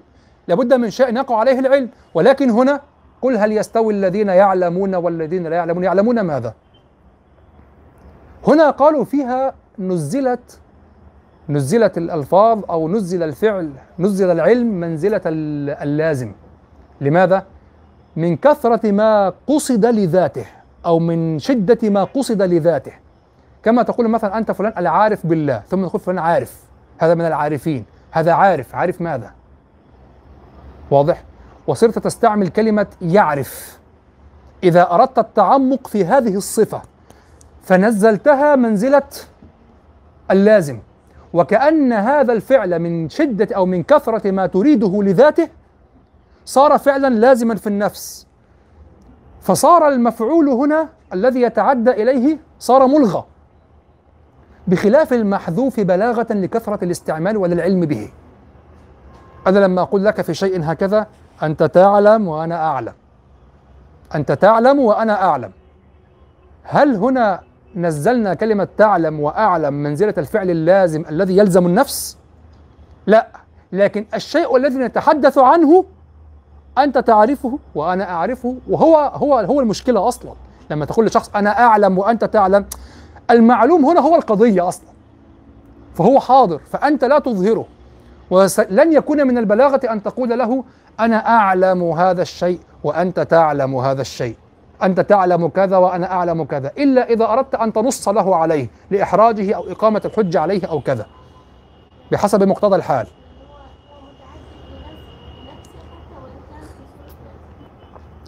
لا العكس.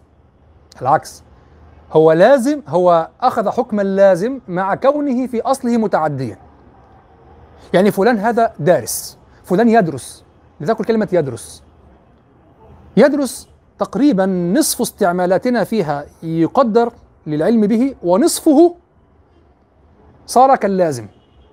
لما تقارن بين الدارس والجاهل وفلان هذا يتعلم فلان هذا متعلم فلان هذا يعلم فلان هذا جاهل. أصبحت تنظر إلى الصفة في ذاتها وتقارنها بصفة الجهل. فصارت في قالب الصفة الذاتية التي لا تتعدى إلى غيرها. أنت في هذا الموقف على الخصوص لا تريد أن تعدي المعنى إلى مفعول به. يعلم كذا. واضح؟ لكن أنا الآن يدخل عليك أبوك أنا الآن أذاكر. نعم أنت تذاكر الدرس لكن حذفته لحضور المقام به بالعلم به. لكنه محذوف ومقدر في الكلام. أذاكر. هل تريد تذاكر أو أنا أنا مذاكر الآن. أنا أذاكر. هل معناه أنك تتكلم عن صفة أنت تتصف بها كالذين يعلمون والذين لا يعلمون؟ يعني لما قال الله تعالى قل هل يستوي الذين يعلمون والذين لا يعلمون في هذا السياق على ما قاله المفسرون. وقالوا نزل منزلة اللازم. هل السياق يحتمل العلم بجزئيات يصدق عليها هذا الفعل أو ينتقل إليها هذا الفعل المتعدي؟ أم صفة للمؤمنين وصفة لغير المؤمنين. صفة للمؤمنين يعلمون وصفة لغير المؤمنين لا يعلمون. فهنا نزل الفعل منزلة اللازم. فأنت تقرأه بنية أنه لازم. وفرق بين أن تقرأه بنية أنه لازم يحصل في النفس دون التعدي وبين أن تقرأه بنية أن تعديه إلى شيء محذوف لكنه مقدر موجود. يعني المع... دائما المقدر في حكم الموجود. تنويهي تشعر به. لكن العرب كلامهم بني على الاختصار. فلو كان ال... لو كانت الحال قاضية بالعلم به واقتضى السياق لأسباب أخرى أن يحذف يختصرونك من المعيب أن تذكره. واضح؟ أنت تعلم وأنا أعلم. لو أظهرت الكلام سخيف. ومن هنا ترى البرامج هناك برامج الآن للأطفال وكذا أه ألاحظها. منشورة على الإنترنت وكذا الغرض منها سياسي. يشكلون عقل الطفل. لاحظت هذا من ماذا؟ من كثرة إظهار ما حقه الإضمار. ومن ومن التنصيص أو من ذكر ومن التلفظ بما شأنه التقدير. يريد لعقل الطفل أن يدور حول هذه الكلمات. فترى الكلام منفوشا سخيفا. لكنه ماكر. ليس بليغا. لكن هو يتردد سمعه في عقل الطفل. فهمتم والبلاغة أن يحذف لو كانوا يتكلمون بغير هذه النية فلما أظهروه تعرف أن وراء ذلك نية لأن ينبغي أن يحذف في هذا المقام واضح؟ ولأجل في شيء؟ تمام ولأجل هذه الدقائق وهذه الملامح والحقائق آه ربط الدكتور محمد أبو موسى دكتور محمد أبو موسى ربط ربطا بارعا جدا كتاب سي كتاب عبد القاهر الدلائل ربطه بقضيتي النحو والشعر عند سيبويه وعند الجاحظ هذا في كتابه مدخل إلى كتابي عبد القاهر والدكتور محمد أبو موسى يعد يعد صاحب الإحياء الثاني في التنبيه على مصنفات عبد القاهر من صاحب الإحياء الأول؟ من صاحب الإحياء الأول؟ من الذي أظهر هذا الكتاب في الأزهر وشرحه؟ شيخ محمد عبده واضح؟ شيخ محمد عبده هذا الكتاب كان مهجورا لقرون كتاب الدلائل حتى جاء الشيخ محمد عبده وأظهره وشرحه في الأزهر وكذا ثم نامت القضية حتى مع وجود بعض الفضلاء من ال- ال- ال- العلماء والأكاديميين شرحوا هذا الكتاب وكذا لكن لم ينهض به هذه النهضة ولم يحتفي به هذا الاحتفاء كالدكتور محمد أبو موسى ولم يؤلف حوله هذا التأليف كالدكتور محمد أبو موسى حول هذا الكتاب. ألف حوله ثلاثة كتب. مدخل وهذا داخل فيه طبعا مدخل إلى كتابي عبد القاهر وخصائص التراكيب ودلائل التراكيب. مدخل إلى كتابي عبد القاهر وخصائص التراكيب ودلائل أو دلالات التراكيب. نكمل بعد الأذان إن شاء الله.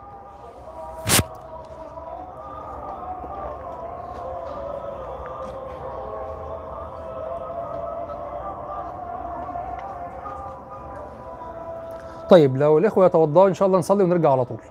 بإذن الله. آه كنت أقول لأجل هذه الملامح ولأجل هذه الدقائق في آه في علم النحو وفي دلالته على مراتب البيان وعلى حركة المعاني في النفوس لما درس الشيخ الدكتور الوالد الفاضل محمد محمد أبو موسى لما درس كتب عبد القاهر أو كتاب الدلائل فيما أقصد يعني على الخصوص آه أثبت النسب الواضح بين هذا الكتاب وبين كتاب سيبويه وبين علم الجاحظ. يعني أرجع محتوى هذا الكتاب بعد أن حلله ورأى من قدح فيه وما صدر عن هذا التزاوج وهذا المزج. قال هذا الكتاب في الأخير الدلائل يرجع العلم الذي فيه إلى رجلين إلى الجاحظ في الشعر وإلى سيبويه في النحو. واضح؟ و... وقال إنه قدح علم سيبويه بعلم الجاحظ وقدح علم الجاحظ بعلم سيبويه ومزج بينهما وأخرج هذا. أخرج هذا الكتاب والدكتور محمد دكتور محمد أبو موسى أعتبره صاحب الإحياء الثاني لهذا الكتاب لأن هذا الكتاب ظل مهجورا لقرون ثم شرحه الشيخ محمد عبده في الجامع الأزهر فبهر شيوخ الأزهر أو كثيرا من شيوخ الأزهر في هذا الوقت هذا الكتاب وما وجدوه فيه من المعاني وكذا وكذا. ثم بعد ذلك يعني آه حصل خمول مرة أخرى وكذا وإن كان قد شرحه بعض الأفاضل وبعض الأكاديميين وكذا. لكن أن يوصف الصنيع بأنه احتفاء واسع وانشغال حتى يؤلف حوله آه ثلاثة كتب هذا لم يفعله إلا الدكتور محمد أبو موسى. ألف حوله كتاب مدخل إلى كتابي عبد القاهر ذكره وتحدث عنه في مع كتاب الدلائل مع كتاب ال- الأسرار.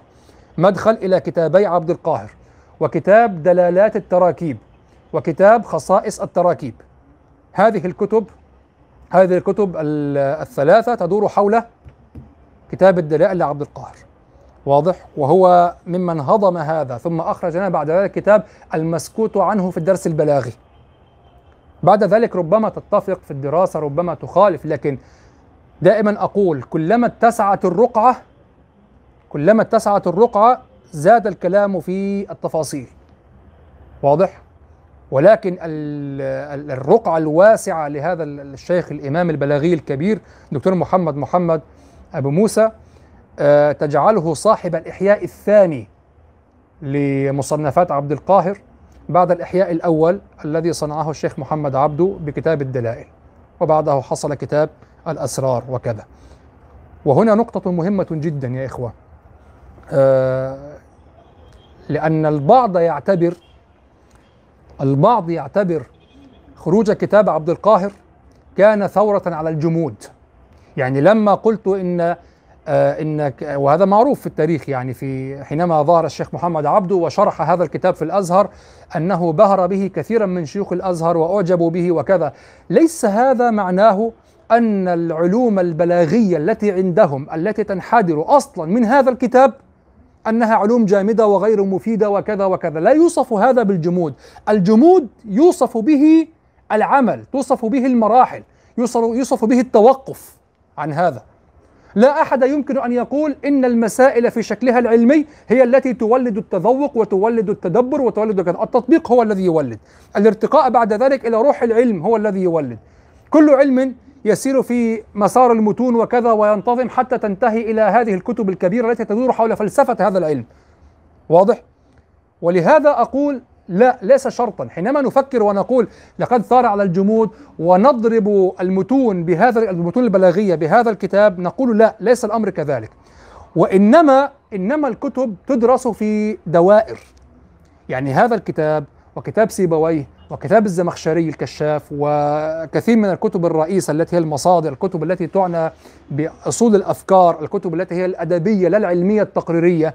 واضح.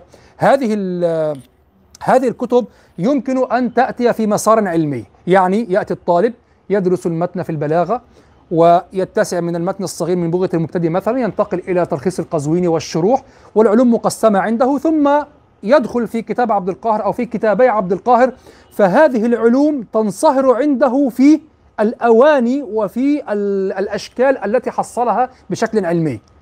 يعني حينما يقرأ في هذه الكتب تنصهر هذه المكونات في الشكل العلمي لأن هذا مسار علمي. واضح؟ لكن هذا ليس المسلك الوحيد. ليس هذا المسلك الوحيد في دراسة هذا الكتاب. لأنك يمكن أن تدرسه من مسلك زماني آخر. يعني شخص يريد أن يأتي من جهة أخرى يقول أنا أريد أن أرى كيف كان مسير البلاغة عند العرب سيأتي من الأول صح؟ يأتي من عند عبد القاهر أو من قبل عبد القاهر من الخطابي والرماني وال ال- و- و- والبقلاني ويأتي ويرى التسلسل بل من عند الجاحظ يذهب إلى عند الجاحظ ويأتي وينظر من عند العلماء المعتزلة و- والبلاغيين في هذا الوقت ويأتي ويتسلسل هكذا حتى ينزل إلى عبد القاهر ومن عبد القاهر إلى السكاكي إلى تلخيص القزويني وهكذا والأمر يعتبر نضج في الأخير عند تلخيص القزويني يعني والشروح واضح؟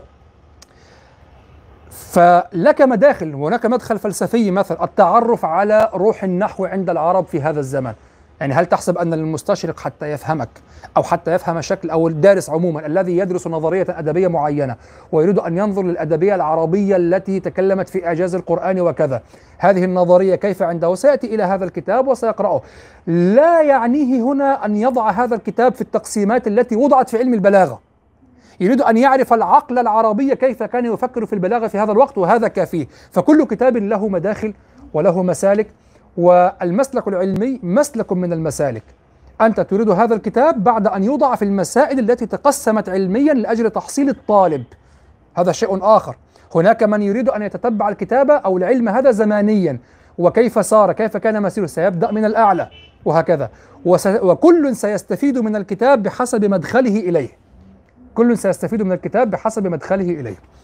طيب ونقرأ الآن في كلام عبد القاهر. في صفحة الصفحة الثالثة نحن قرأنا ال... نعم انتهينا من المقدمة فقط. يقول بسم الله الرحمن الرحيم. حسبي ربي. الحمد لله رب العالمين حمد الشاكرين. نحمده على عظيم نعمائه وجميل بلائه. ونستكفيه نوائب الزمان ونوازل الحدثان. ونرغب إليه في التوفيق والعصمة. ونبرأ إليه من الحول والقوة ونسأله يقينا يملأ الصدر ويعمر القلب ويستولي على النفس حتى يكفها إذا نزغت ويردها إذا تطلعت. وثقة بأنه عز وجل الوزر وزر يعني الملجأ وأصله الجبل الكبير المنيع. نعم. وثقة بأنه عز وجل الوزر والكالئ والراعي والحافظ وأن الخير والشر بيده. وأن النعم كلها من عنده وألا سلطان لأحد مع سلطانه. نوجه رغباتنا إليه ونخلص نياتنا في التوكل عليه وأن يجعلنا ممن همه الصدق وبغيته الحق وغرضه الصواب وما تصححه العقول وتقبله الألباب. آه انظر وأن يكون غرضه وأن يكون غرضه الصواب وما تصححه العقول وتقبله الألباب. لا تستغربوا لأن الضغينة تغير القناعات. أنت إذا كث- أكثر الناس إذا في إذا لم يكن أصلا من الأول متوجها إلى العلم لو في نفسه ضغينة تجاه مذهب أو تجاه أحد أو كذا سيجعل كل شيء فيه سيئا وغلطا وكذا. لذلك لا تستغربوا هذا الدعاء أن يقول وأن وأن يجعلنا ممن همه الصدق وبغيته الحق وغرضه الصواب وما تصححه العقول وتقبله الألباب. سأقول لك طيب وأنا عاقل لماذا أقول لا لا لا. أحيانا يصحح عقلك شيء. ها يصحح عقلك شيئا وقلبك وأهواؤك في اتجاه آخر فترفض ما يقوله عقلك. نعم.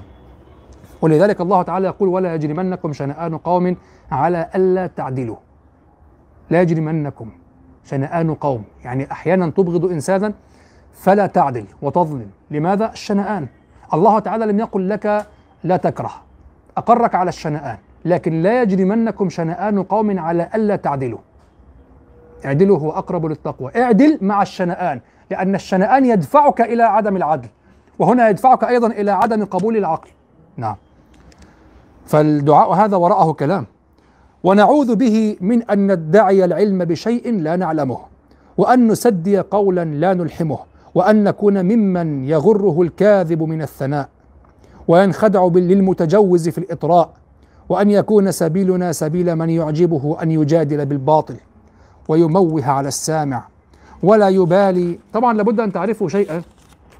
أكثر يعني لو أنكم تظنون أن الرياسات العلمية والمناصب العلمية والدوائر وال- والأشخاص الذين يلتف حولهم وكذا لو أنكم تحسبون هذا مبنيا فقط على العلم وكذا لا هناك اعتبارات وسياسات وأمور كثيرة جدا. أحيانا يصنع الإنسان صناعة أصلا. واضح؟ وهذا معروف أصلا عبر التاريخ ويحصل لكن التاريخ يكشفه أيضا لا يسكت عنه لأن الزمان كفيل بأشياء كثيرة يعني. فهو هنا يقول لك وأن يكون سبيلنا سبيل من يعجبه أن يجادل بالباطل. وهذا تجدونه في في الأوساط العلمية الشرعية كثيرا جدا. آه يثني على الشيخ وعلى على ال- ال- الشخص وكذا لماذا ليقول هو تلميذ فلان وكذا؟ فإذا تعلم وكذا فصار كذا ينقلب عليه إذا استطاع أن يلوذ بغيره. واضح؟ فهو يكون تلميذ فلان ويكون آه، شيخ ده شيخ فلان وكذا. إذا كان هذا نجمه كبيرا يعني وكذا وينعم به. فإذا وجد أن غيره كذا أو اكتشف أنه يعني لن يستفيد منه أكثر من هذا وربما يحتل مكانه وكذا انقلب وفعل. ولذلك هنا يقول لك وأن يكون سبيلنا سبيل من يعجبه أن يجادل بالباطل. وكثير من كثير من الأشخاص الذين آه، ينفخ فيهم تصنع حولهم الهالات حتى لا تخترق هذه الهالة. يعني حتى لا يجرأ على مناقشتهم. وحتى يقال من أنت حتى تقول كذا من أنت حتى تفعل كذا من أنت حتى تفعل كذا. لا عادي أنا ستقول.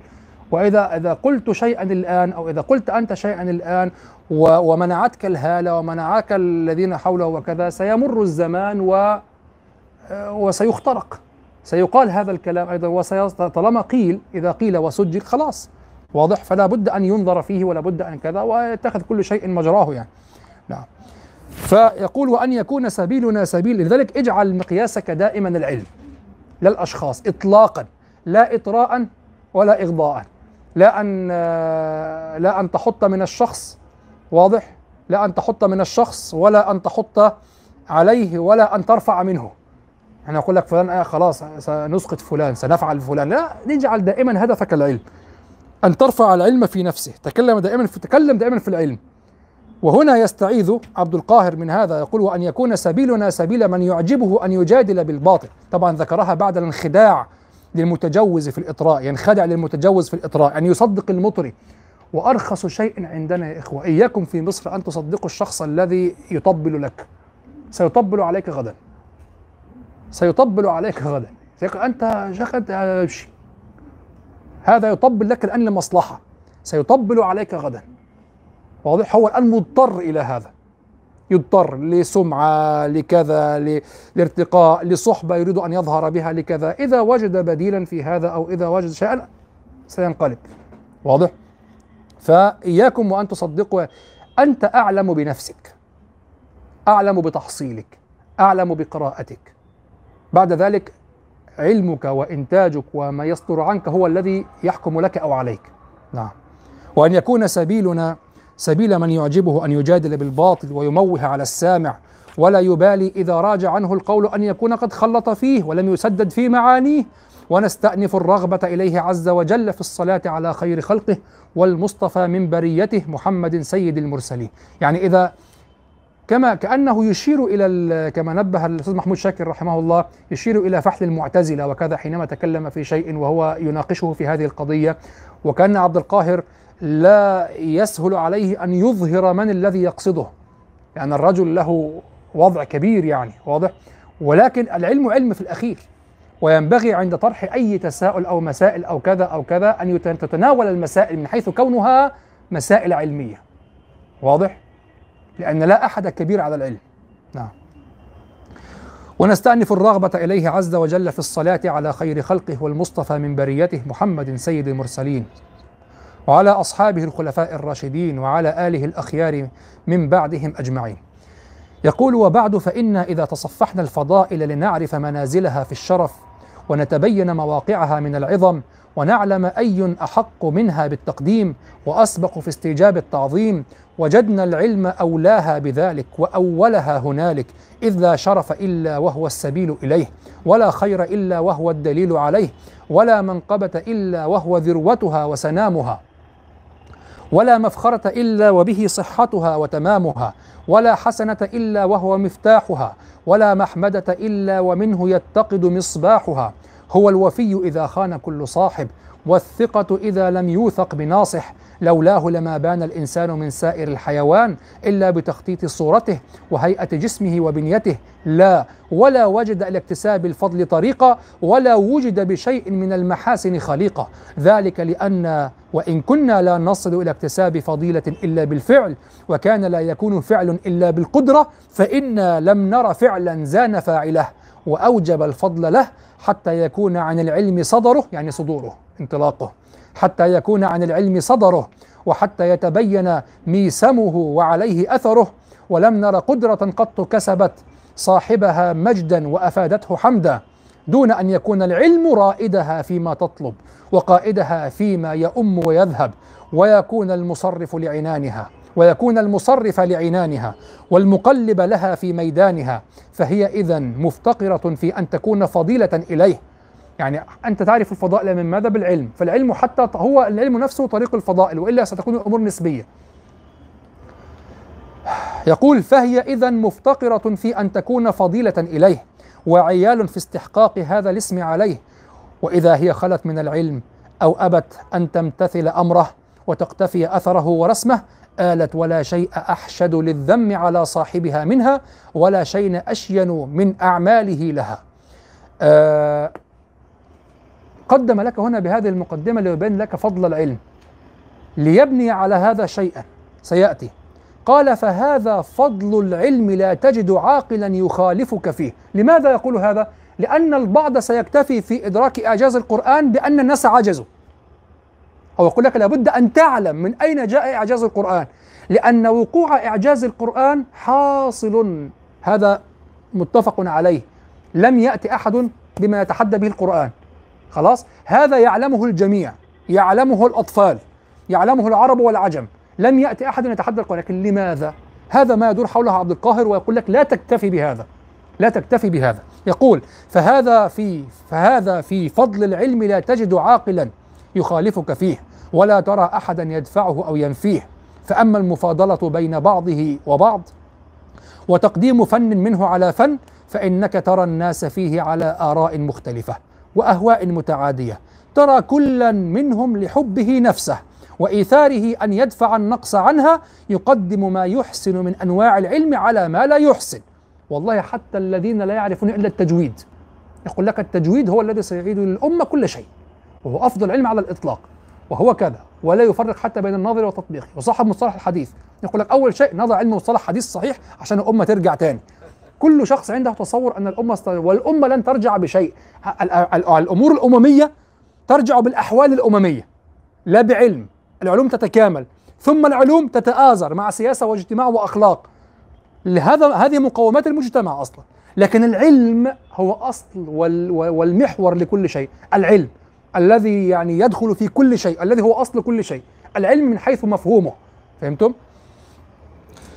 قال ترى كل منهم لحبه نفسه وإيثاره أن يدفع النقص عنها يقدم ما يحسن من أنواع العلم على ما لا يحسن ويحاول الزراية على الذي لم يحظ به والطعن على أهله والغض منهم ثم تتفاوت أحوالهم في ذلك فمن مغمور قد استهلكه هواه وبعد في الجور مداه ومن مترجح فيه بين الإنصاف والظلم يجور تارة ويعدل أخرى في الحكم. فأما من يخلص في هذا المعنى من الحيف فأما من يخلص في هذا المعنى من الحيف حتى لا يقضي إلا بالعدل وحتى يصدر في كل أمره عن العقل فكالشيء الممتنع وجوده.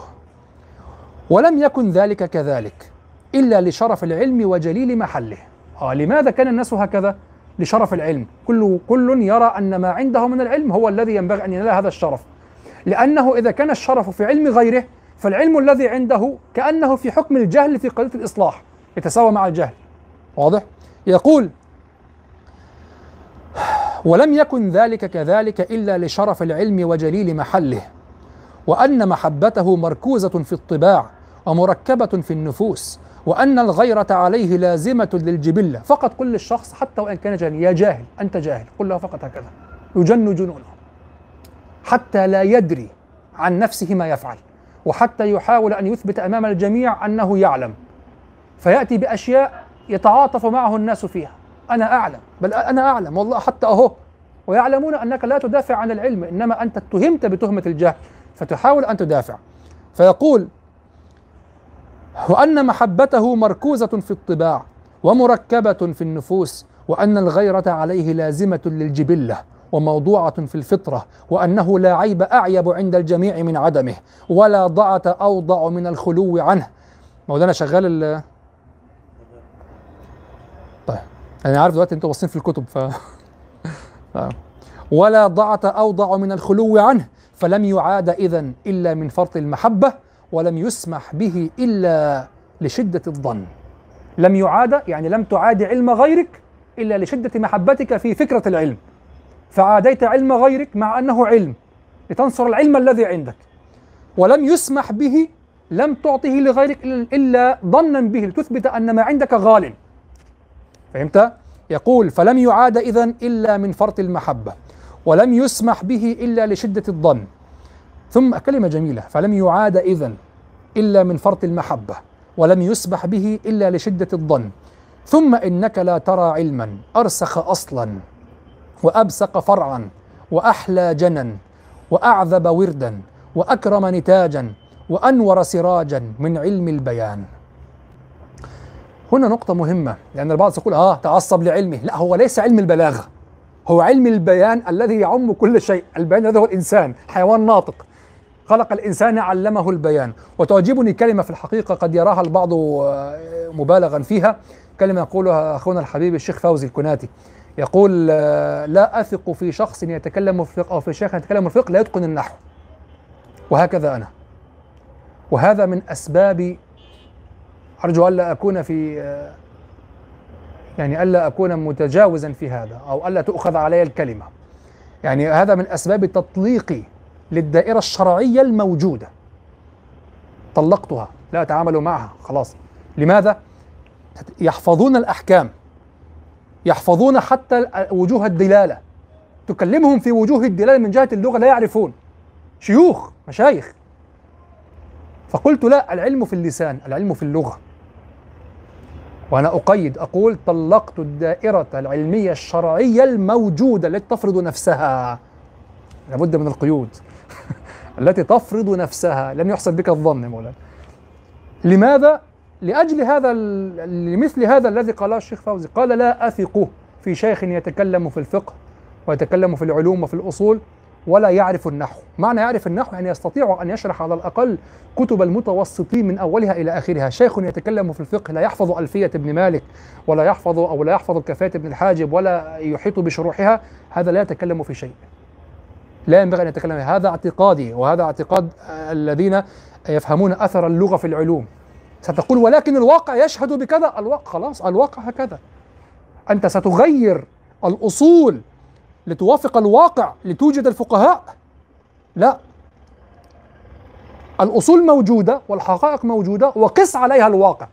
احكم على الواقع بقياسه على هذه الأصول وليس أن تكيف الأصول للواقع. واضح؟ ال- الذي لا يفهم وجوه الدلالة في القرآن الذي لا يستطيع أن يشرح إلا ما ما نصوا له عليه فحفظه من كتب الفقه ولا يمكنه أن يذهب إلى علة العلة في اللغة. كيف تثق في كلامه وفي فهمه في مسألة الفقه؟ إذا إذا نظر لك برأيه لا أنه نقل عن المذهب شيء آخر. يعني شخص حنفي يعني مثلا أسأل أحيانا ما قول ما أقول له مذهب أبي حنيفة كذا؟ خلاص يكفيك. هذا المذهب هذا معتمد المذهب الحنفي. أحفظ المذهب الحنفي مذهب أبي حنيفة كذا. خلاص يكفيك. لكن حينما أجتهد حينما أقول لك ورأيي وأرى وكذا هنا ينبغي أن تعلم أنني أصلا طبعا حتى لو قلت لم أقل من علماء اللغة كلمة علماء اللغة كلمة علماء اللغة عندنا غير علماء اللغة عندهم. يعني حتى لو قال لو قيل لك لا يشترط أن يكون علماء اللغة. ينفون عالم اللغة بانهي بأية صفة. أي أي عالم لغة المنفي عن أن يكون إذا قلنا يعني في هذا ولا الشاطبي يربط الاجتهاد بالاجتهاد في اللغة أصلا. واضح؟ يقول المجتهد في الفقه مجتهد في اللغة. متوسط في الفقه متوسط في اللغة. ضعيف في الفقه ضعيف في اللغة. أو العكس ضعيف في اللغة ضعيف في الفقه. متوسط في اللغة متوسط في اللغة في في الفقه. مجتهد في اللغة مجتهد في الفقه. وهو يثبت أن مجتهد الفقه مجتهد لغة. خلف في هذا. خلف في هذا البعض خالفه والبعض يوافقه. المقصود حتى مع المخالفة من تحسب هذا الذي لم يشترطوه في العلم باللغة؟ هذا شخص لا تحلم به أصلا. والذي يشترطونه في القدر من العلم باللغة الذي يشترطونه في عالم اللغة حتى يفهم الفقه هو الآن عندك إمام في اللغة أصلا. بالنسبة إلينا نحن الآن. انت تتكلم في الفيه ابن مالك وشرح الفيه ابن مالك هذه نهاية المبتدئ. الشيخ فوزي يقول كلمة يقول أنا صدمت. لما جئت إلى مصر هو جاء متكونا أصلا درس هناك في بلده وكذا وجاء الأزهر هنا وكان قد تكون. يقول صدمت حينما جئت فوجدت المصريين يعتبرون ألفية ابن مالك للمتقدمين. صدم. هو جاء حفظ كل هذا أصلا ودرس كل هذا وانتهى من كل هذا. هو جاء وقد انتهى أصلا من كل هذا على صغر سنه. واضح؟ يقول أنا صدمت لما جئت إلى مصر فوجدت المصريين يعتبرون ألفية ابن مالك للمتقدم والش- هناك شواهد حتى على هذا نحن درسناه في الثانويه يعني في شرح ابن عقيل انتهينا منه في السنوات الأربع في الثانوية. هذا بعد ضعف العلم. ألفية ابن مالك كان يصل إليها طالب الابتدائية في الأزهر. بعض الكتاب. الفيه ابن مالك. كان ينتهي منها ومن شرحها قبل البلوغ. الفيه ابن مالك. في عهدي أنا في الأزهر يعني في الع... في العصر الحديث الآن الفيه ابن مالك بشرح ابن عقيل في السنوات الأربع في الثانوية وقطر الندى في ال- قطر الندى في الإعدادية. خلاص؟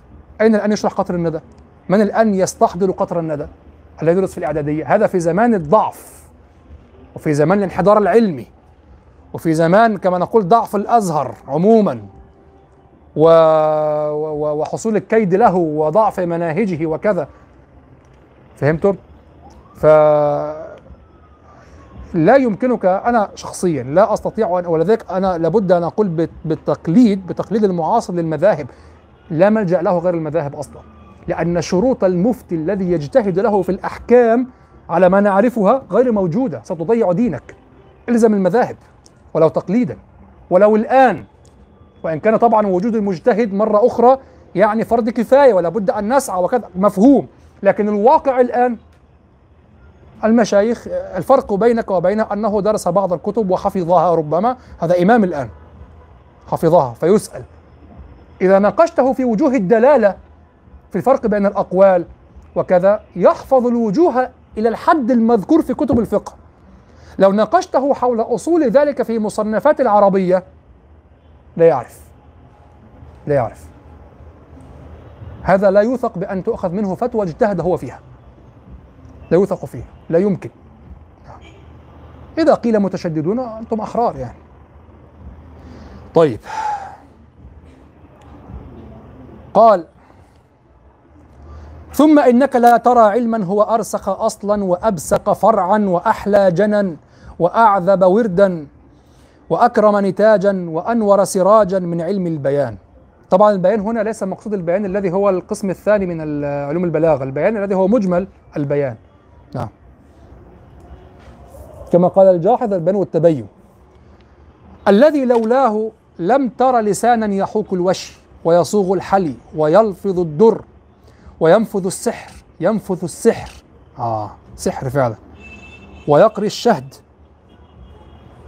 يعني يجمع الشهد. ويقري الشهد. ويريك بدائع من الزهر. ويجنيك الحلو اليانع من الثمر والذي لولا تحفيه بالعلوم. وعنايته بها وتصويره إياها لبقيت كامنة مستورة. هو الكاشف عن كل العلوم. لبقيت كامنة مستورة. ولما استبنت لها يد الدهر صورة. ولما است... واه. ولما استبنت لها يد الدهر صورة. ولا استمر السرار بأهلتها. واستولى الخفاء على جملتها. إلى فوائد لا يدركها الإحصاء. ومحاسن لا يحصرها الاستقصاء. طبعا كما قلت هو يتكلم وأشار إلى دخوله في كل العلوم وإلى كشفه عن كل العلوم. لماذا؟ حتى لا يقال أن تتكلم عن علم معين. لا البيان شيء أساس هو داخل في كل العلوم. كأنه صفة. كأنه صفة. ولهذا البيان في الحقيقة ليس البيان الذي هو البيان ليس هو كتاب البلاغة بل ليس هو كتاب عبد القاهر. البيان هو نصوص العرب العالية وما تقف فيها على الأسرار. هذه الكتب دلتك عليها بتصوير يسير كما نقول في التجويد. التجويد ليس هو تحفة الأطفال ولا مقدمة ابن الجزري التجويد هو التطبيق ثم تطبيق على وجوه القراءات. وهناك قراءات بعض القراءات بل في قراءات مشهورة مثلا كشعبة وغيره آه بعض ال- الأحكام في النطق ما زالت تعثر على اللسان المصري الآن. الطالب العادي الذي لا يكون من القراء الكبار لا يمكنه أن يأتي بها. ويتجاوزون فيها ويتساءلون مع علمهم بأنها ليست على هذا الوجه تماما لماذا؟ صعب على اللسان إذا أين التجويد النظري الذي درسته؟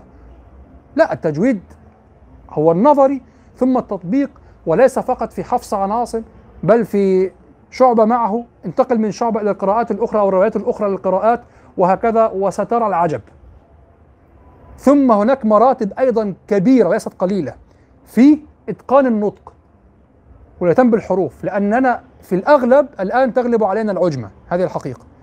يعني هناك بعض التصرفات اللسان في القراءة هي بعيدة عن ألسنتنا الآن وهي عند العرب. بعيدة يعني حركة اللسان لم تعتد عليها لا تأتيها أصلا. لا لا يتشكل اللسان على أساسها. كما تروا إخواننا من غير العرب كما ترون إخواننا من غير العرب لا يمرن لسانهم على بعض الحروف. مع أن آلة النطق واحدة اعتياد. فكذلك نحن الآن اعتدنا على طريقة معينة منعت بعض إذا صح التقنيات في القراءة الكيفيات في القراءة. ولكن هذا لا تجده في حفص ال- الطفل منا يسمع حفص وهو في بطن أمه يعني. خلاص عادي ومع ذلك يأتي عند مجريها ويقع ويظل يتدرب عليها. وجميعنا يأتي أيضا بال يأتي في ال- ال- الكسر بالإمالة وليس بالكسر أو يأتي بالتقليل به. يقول لك به به وليس به. يقول لك به. مه وليس مو. لا مو. مو.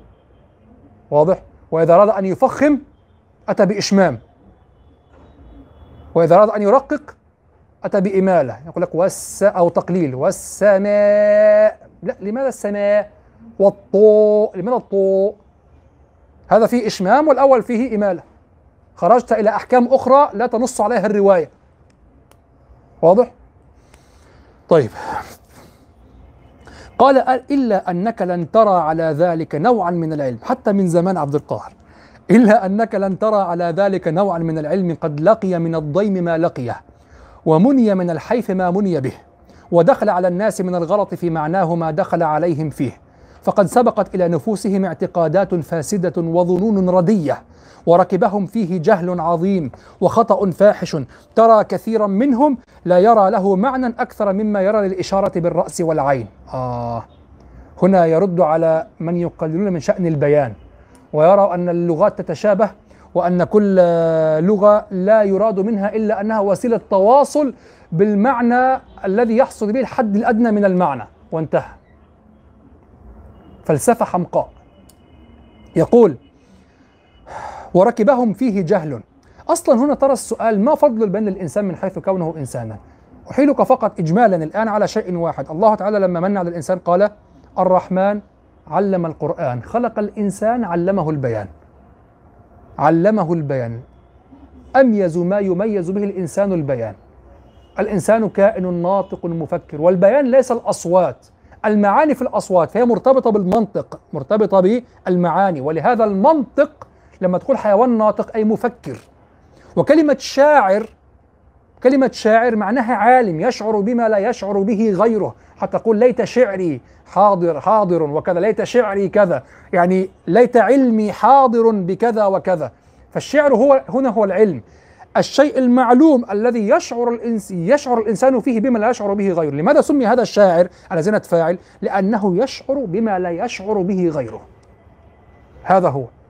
ولهذا كما ورد عن أبي عمرو بن العلاء كان كان الشعراء في في العرب في الجاهلية في مقام الأنبياء في الأمم من بعدهم يعني. في مقام الأنبياء في الأمم من قبلهم. واضح؟ كان العرب كان العرب ينظرون إلى الشاعر على أنه نبي حتى اعتقد البعض فيه أن معه أن معه الجن الذين يخبرونه بهذه المعاني وكذا. وبعضهم في دراساته لكن لا أتوسع في هذا ولا أبالغ فيه بعضهم في دراساته ربط الشعر بالكهانة والشاعر بالكاهن وبعضهم ذهب إلى أن أصحاب التفسير الأسطوري والديني ذهبوا إلى أن الشاعر كاهن أصلا. يعني امرؤ القيس عنده قس رجل دين. تخيل امرؤ القيس رجل دين. واضح؟ نعم بعضهم يفعل هذا من الدارسين الدراسة الأسطورية التفسير الديني للشعر التفسير الأسطوري. يذهبون إلى أن الشعراء أصلا رجال دين وكهنة. تخيل؟ نعم. طيب يقول وركبهم فيه جهل عظيم وخطأ فاحش. ترى كثيرا منهم لا يرى له معنى أكثر مما يرى للإشارة بالرأس والعين وما يجده للخط والعقد. يقول إنما هو خبر واستخبار. انظر. إنما هو خبر واستخبار. يقول الأستاذ محمود شاكر يريد بالعقد التفاهم بعقد الأصابع الإشارة يعني هكذا وهكذا. نعم. يقول إنما هو خبر واستخبار وأمر ونهي ولكل من ذلك لفظ قد وضع له. يعني يا جماعة الموضوع بسيط يعني. في إيه؟ بسيط. إنما هو خبر واستخبار وأمر ونهي. ولكل من ذلك لفظ قد وضع له وجعل دليلا عليه. فكل من عرف أوضاع لغة من اللغات عربية كانت أو فارسية وعرف المغزى من كل لفظة ثم ساعده اللسان على النطق بها وعلى تأدية أجراسها وحروفها فهو بين في تلك اللغة. كامل الأداة. والله. إذا يعني نص ربع المصريين تقريبا يتكلمون الإنجليزية صح؟ ربع المصريين أدباء. بلغاء في الإنجليزية. قل عربية كانت أو فارسية وعرف المغزى من كل لفظة ثم ساعده اللسان على النطق بها وعلى تأدية أجراسها وحروفها فهو بين في تلك اللغة كامل الأداة بالغ في بالغ من البيان المبلغ الذي لا مزيد عليه منته إلى الغاية التي لا مذهب بعدها. من هؤلاء الآن الذين يقولون بعالمي بعالمية اللغة أو بعالمية اللغة. بعالمية اللغة أن أو عالمية الأدب. يقولون بالوحدة العالمية للأدب وحدة الأدب العالمية. الأدب كله شيء واحد يترابط. هؤلاء يفرون من ال ال ال الخصائص في اللغة نفسها إلى المعاني التي يتحدثون عنها. كلامهم يكون على المعاني لا على خصائص اللغة. ونحن العرب لو كل الدنيا لو كل الدنيا نظرت إلى المعاني وتوحدت في المعاني سنظل عند خصائص اللغة. خصيصة لنا. عندنا خصيصة لغتنا لا يمكن إلا أن تكون محل الكلام أصلا. يعني أودع فيها سحر خاص. يجعلك تتغاضى عن أصول المعاني وتقييمها أو تقويمها دينيا أو اجتماعيا أو كذا. وحتى لما نزل القرآن بهذه اللغة وجاء علماء الإعجاز يتحدثون فيه وكذا وصنف عبد القاهر وكذا حارب جدا القول بأن الإعجاز في معانيه. وحاربه كأنه قول أنت تقرأ في الأول يعني قرأت كلامه في الأول لما كنت أبتدئ الكلام في هذا هذه الدائرة. فتعجبت قرأت كلام عبد القاهر في الأول. أقول يعني ما له هكذا يحارب القول بأن الإعجاز في المعاني وكأنه قول يعني ساقط بكل اعتبار وما هو حلو. القرآن معانيه معجزة. آه. القرآن معجز في معانيه. جميل. الك- الكلمة جميلة. يقول لك لا. لن تقوم الحجة بإعجاز المعاني لأن المعاني تتفق مع الكتب الأخرى. والمعاني أي أصول المعاني يمكن أن يعبر عنها بطرق أخرى وهكذا. أنت حينما تشرح الأحكام الفقهية في الآيات آيات الأحكام أنت لا تشرح الآيات أنت لا تبين بلاغة الآيات أنت تشرح أصول الأحكام الفقهية. وكلامك من حيث كونك فقيها شارحا يتفق مع نص القرآن في أصول المعاني. يتفق في أصول المعاني. إذا ما الذي بقي للقرآن؟ الإعجاز النظمي. ولهذا حارب عبد القاهر شديدا القول بالإعجاز الإعجاز المعنوي. ممن أشار إلى وجود الإعجاز في النظم وفي المعنى الخطابي. والدكتور محمد أبو موسى وافق الخطابي وقال بتوسعة هذا المعنى. وخالف عبد القاهر ولم يصرح باسمه. هذه طريقة الدكتور حفظه الله تعالى ورعاه. ولم يصرح باسمه. لكن لو نظرنا إلى قضية لو نظرنا إلى قضية قضية الإعجاز وكذا وكذا سيترجح عندك ما عليه الجمهور في هذا وهو أن الإعجاز في الأخير ينتهي إلى نظم القرآن. بقطع النظر كيف سيكون أو ما كيفية هذا الإعجاز كيف حصلت. وليست في المعاني المشتركة بينه وبين الكتب الأخرى أو التي يمكن شرح أصولها فلا يبقى للقرآن إلا الصياغة التي تحمل معاني أخرى ليست هي المقصودة حينما قالوا المعاني تعجز كذلك. واضح؟ طيب. على ما نفاه عبد القاهر يعني. قال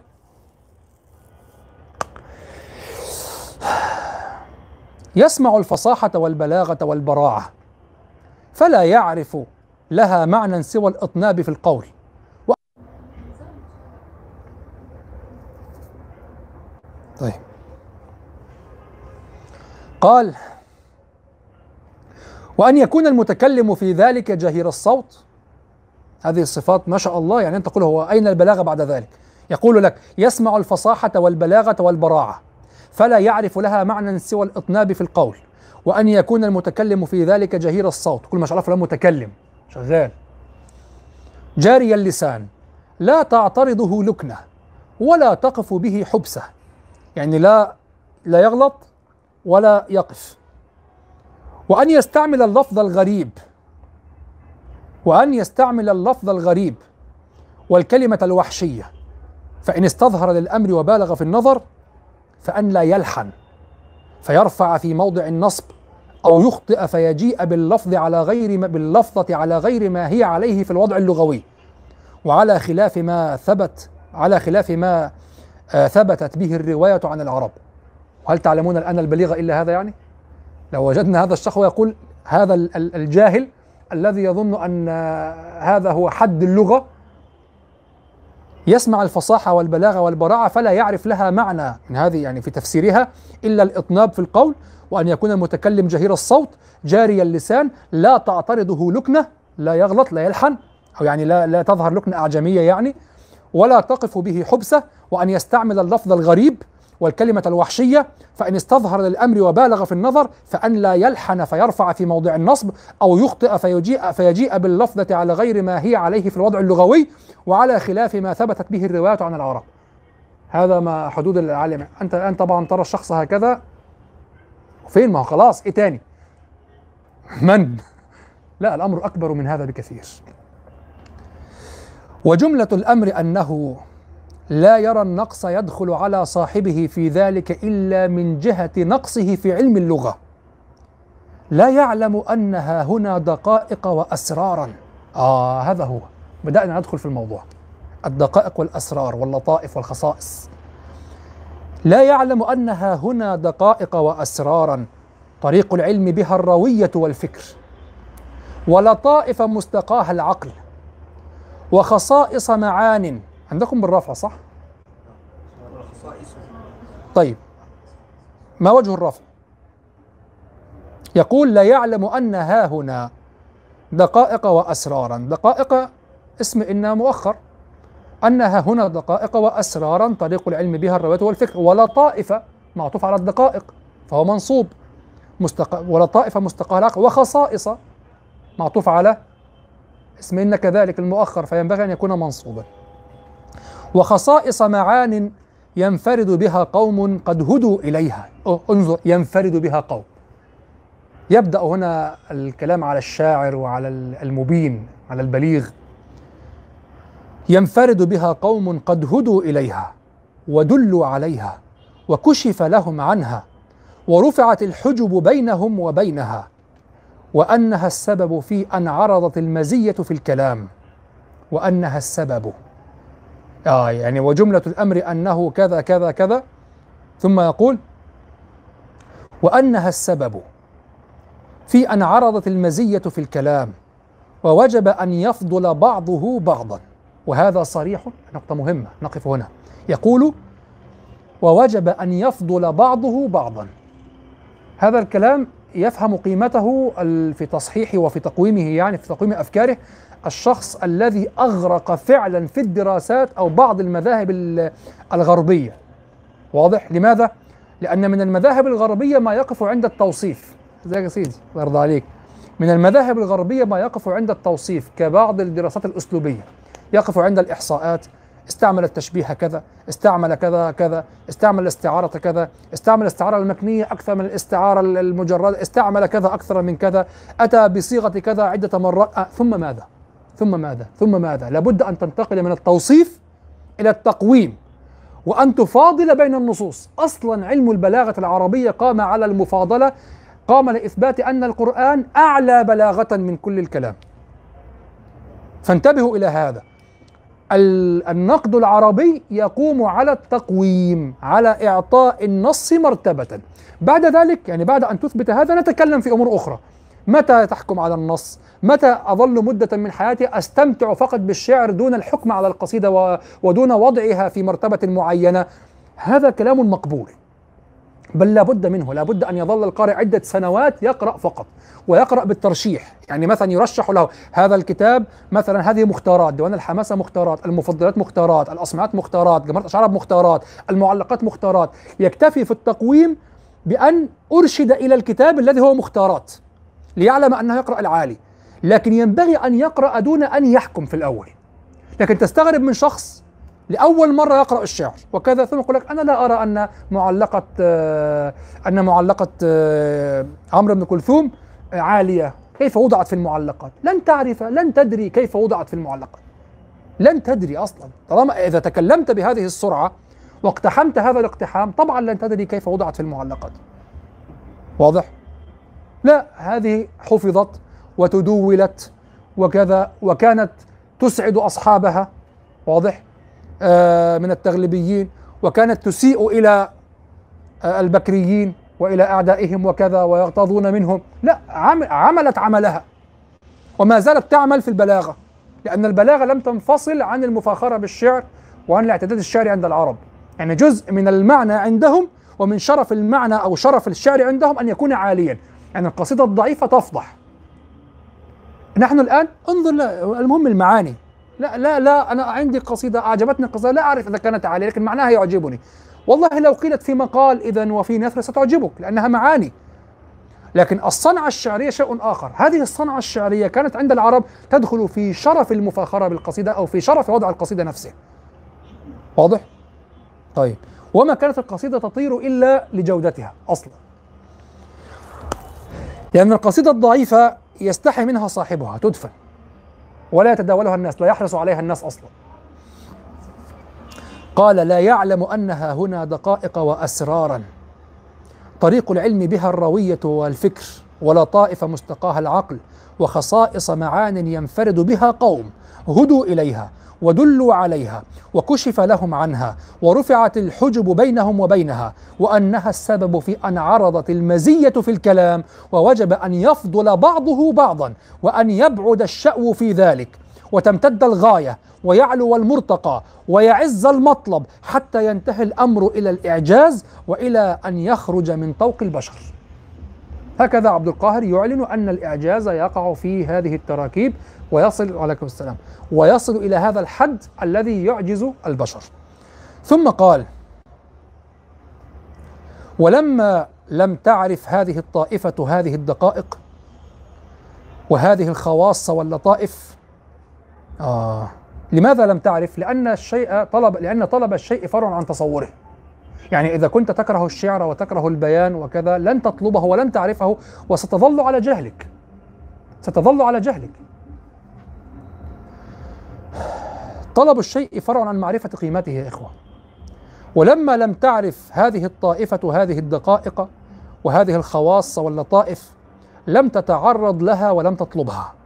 ثم كارثة أخرى ثم عن لها يعني صادفها اتفق لها ثم عن لها بسوء الاتفاق رأي صار حجازا بينها وبين العلم بها وسدا دون أن تصل إليها وهو أن ساء اعتقادها في الشعر الذي هو معدنها. معدنها يعني هو أصلها. هو معدن هذه اللطائف والخصائص واللطائف والأسرار. أو الدقائق. قال وهو أن ساء اعتقادها. يعني أنت أصلا لم تع... أنت اعتقدت في اللغة من الأول اعتقادا هينا بسيطا كما نقول الآن ساذجا طفوليا. أن اللغة وسيلة بيان والذي يبلغ أن يخبر ويستخبر وكذا وكذا ويسند كذا إلى كذا خلاص بلغ النهاية ولا شيء وراء ذلك. عن لك في نفس الوقت سوء حظك سوء التقدير لك أنك كرهت الشعر. يعني الذين قالوا هذا في عصر يكرهون الشعر. والشعر هو معدن هذه اللطائف. فأنت أيضا بنيت سدا كما يقول بينك وبين أن تدرك غلط ما أنت عليه. قال ولما لم تعرف هذه الطائفة هذه الدقائق وهذه الخواص واللطائف لم تتعرض لها ولم تطلبها ثم عن لها بسوء الاتفاق رأي صار حجازا بينها وبين العلم بها. والله الشعر هذا مظلوم. منذ يعني منذ عهد باكر يعني. وسدا دون أن تصل إليها وهو ان ساء اعتقادها في الشعر الذي هو معدنها. هذا الكلام يقوله عالم في القرن الخامس. الخامس نعم. وعليه المعول فيها. وهو وفي علم الإعراب الذي هو لها كالناسب الذي ينميها إلى أصولها. علم الإعراب هو الذي يوصلك إلى إلى هذه اللطائف والدقائق والاسرار والخصائص. قال وفي علم الإعراب الذي هو لها كالناسب الذي ينميها إلى أصولها ويبين فاضلها من مفضولها. فجعلت هذه الطائفة يعني فجعلت تظهر الزهد فجعلت تظهر الزهد في كل واحد من النوعين الذي هو ماذا؟ ها؟ شعر الأعراب أم ماذا؟ إلى إلى الآن على أي شيء تكلمنا؟ آه. ثم الإعراب بعدها إذا ليس اللطائف لأن اللطائف هي مادة الشعر أو المتضمنة في الشعر فجعلت تظهر الزهد في كل واحد من النوعين يعني في الشعر والنحو. وتطرح كلا من الصنفين وترى التشاغل عنهما أولى من الاشتغال بهما. آه والإعراض عن تدبرهما أصوب من الإقبال على تعلمهما. طيب في القطعة في الفقرة السابقة الرابعة تحدث عن الشعر أولا أم عن أم عن الإعراب؟ الشعر. ثم تحدث عن الإعراب صح؟ قال وفي علم الإعراب ساء اعتقادها في الشعر في علم الإعراب. ثم سيبدأ الحديث في الفقرة الخامسة عن الشعر. فقال يعني على الترتيب الذي جاء به. ها؟ الشعر والإعراب. لأن يا مولانا انتبهوا يا إخوة. كلام القدماء يطول فيه الفصل جدا. ويأتي بعد سطور يعطف على شيء ذكره. هو قال هنا وهو أن ساء اعتقادها في الشعر الذي هو معدنها وعليه المعول فيها. وفي علم الإعراب في علم الإعراب مرتبط بماذا؟ ساء اعتقادها في الشعر. يعني ساء في الشعر وفي علم الاعتقاد فمتعلق بماذا؟ بساء بسوء الاعتقاد. يعني ساء الاعتقاد في الشعر وساء الاعتقاد في علم الإعراب. الذي هو النحو. ثم قال في الفكرة الخامسة أما الشعر فخيل إليها أنه ليس فيه كثير طائل قاتلها الله. وأن ليس إلا ملحة أو فكاهة أو بكاء منزل أو وصف طلل. ما له وصف الطلل؟ ما له وصف الطلل. إيه الغضب ده؟ تغلنا في الموضوع ده. يعني هذا الكلام يقال في القرن الخامس؟ في القرن الخامس يقال هذا الكلام؟ الظلم قديم يا مولانا. وأن ليس إلا ملحة أو فكاهة أو بكاء منزل أو وصف طلل أو نعت ناقة أو جمل أو إسراف قول في مدح أو هجاء وأنه ليس بشيء تمس الحاجة إليه في صلاح دين أو دنيا. سبحان الله هو ترديد طائفة كبيرة الآن. الآن. ها؟ أين؟ آه خيل إليها هذه الطائفة. تأمل كيف كانوا ينظرون إلى المعاني المجردة؟ فرق بين من ينظر إلى النص في القصيدة وبين من ينظر يقول بكاء طلل. هو في حاجة اسمها بكاء طلل. هكذا بكاء طلل. آه وصف جمل. كيف وصف؟ ولماذا وصف؟ وما الذي أراده من الوصف؟ ولماذا تواردوا على هذا الوصف المختلف صيغة و و و وسياق معنى؟ لماذا؟ سبحان الله هذا نفس ترديد طائفة كبيرة الآن من المنتسبين للشريعة. للشريعة. يعني أكثر وقت, وقت أو موقف شعرت فيه في بهذا الأمر لما أحد المشايخ قال والله أبو قيس أضاع نفسه كان منشغلا بالفقه والأصول وبالعلوم النافعة والآن ماذا يفعل؟ يشرح الشعر والله أنا غضبت من الكلمة اللي الحط من قدر الشعر وفي نفس الوقت كنت أشفق يعني أنت شيخ يعني ينبغي أن تكون أوعى من هذا ومع ذلك أنت مخدوع مخدوع مخدوع فعلا مخدوع. القضية خداع. يشرح الشعر قال هكذا يشرح الشعر. يعني إيه ما هو يعني ما يشرح الشعر؟ ما هو الشعر أصلا؟ هكذا عبد القاهر يرد يقول أما الشعر فخيل إليها أنه ليس فيه كثير طائل وقال هذا القائل لا يمكن أن يكون متقنا للنحو. وأتحدى أن يكون محصلا الألفية. أتحدى. ولو بشرح واحد. مستحيل أن يقول هذه الكلمة شخص حصل الألفية بشرح واحد. مستحيل. أما الشعر فخيل إليها أنه ليس فيه كثير طلل. الكلمة أضاع نفسه. أضاع نفسه. شوف الكلمة التي تقال عند أضاع نفسه. ترك العلوم الشرعية ولا والله إني الآن أفهم فيها من هذا. مما سبق. أفهم هنا ليس المضارع أفهم أفضل التفعيل. أفعل الأفضل أفعل التفضيل. نعم. ولكن الواقع يزهدك في أن تتناولها مع أحد وهم يقفون فيها على فقط الحدود. ولهذا اثاجت صدري جدا كلمة الشيخ الكناتي لما قال لا أثق في علم أحد يتكلم في الفقه وهو غير متقن للنحو. متقن للنحو. وسأل الشيخ فوزي متى يصدق عند كلمة متقن للنحو؟ الذي صدم لما جاء إلى مصر وجدهم يعتبرون الالفيه متقدمة. هو انتهى منها هناك وهو صغير أصلا.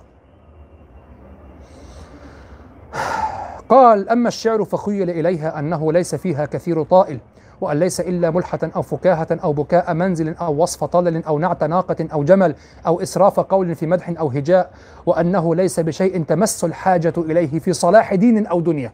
شوف شوف. انظر يعني يثبت الص... يثبت أن هذا الذي ينقدونه من طلل ومن كذا نحتاجه في صلاح الدين والدنيا. ثم قال وأما النحو فظنته ضربا من التكلف وبابا من التعسف وشيئا لا يستند إلى أصل ولا يعتمد فيه ولا يعتمد فيه على عقل وأن ما زاد منه على معرفة الرفع والنصب وما يتصل بذلك مما تجده في المبادئ فهو فضل لا يجدي نفعا ولا تحصل منه على فائدة. يعني هذا الغوص الذي تكلمنا فيه في أول هذه المحاضرة وكذا هذا كله عندهم لا لا قيمة له. فقط أنت تحتاج إلى أن تعرف ماذا؟ يقول ما زاد على معرفة الرفع والنصب يعني الأجرومية حصل هذا إذا حصلته. إذا حصلت.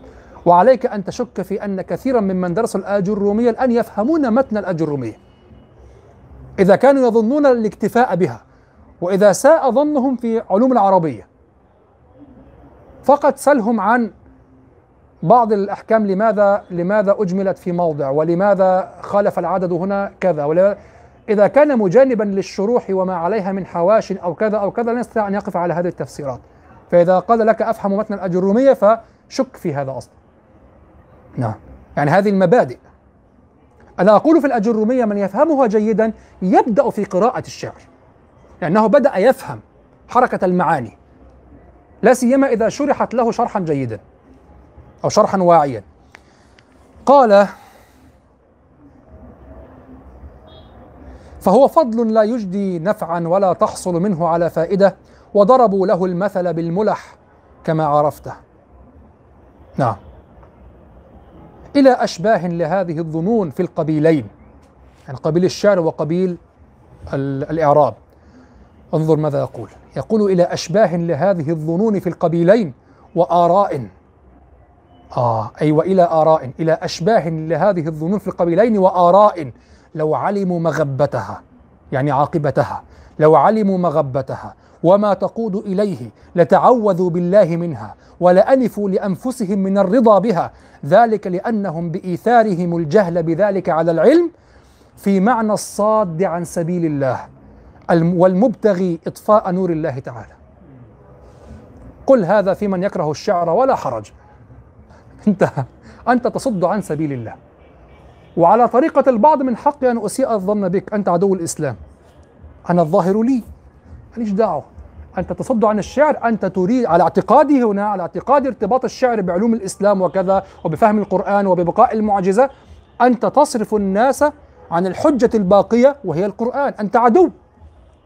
يعني لو أردت أن أتطور بدون كثير تكلف بما أعذر به أمام القضاء خلاص؟ إذا أردت أن أتطور بما أعذر به أمام القضاء أنت عدو للإسلام. انتهى. ماليش دعوة. مع إني عارف أنه ليس عدو هو جاهل. هو جاهل جدا. لكن لو أردت أم قلت إنك عدو وهذه حجتي أبرأ أمام القضاء. أبرأ أمام القضاء. هذا عدو. هذا يهدم الشعر الذي يو الذي به ندرك المعاجزة الباقية. هذا يهدم الحجة الباقية. وليس كلامي كلام عبد القاهر. يقول وآراء لو علموا مغبتها وما تقود إليه لتعوذوا بالله منها ولأنفوا لأنفسهم من الرضا بها. ذلك لأنهم بإيثارهم الجهل بذلك على العلم في معنى الصاد عن سبيل الله والمبتغي إطفاء نور الله تعالى. كلمة عظيمة جدا.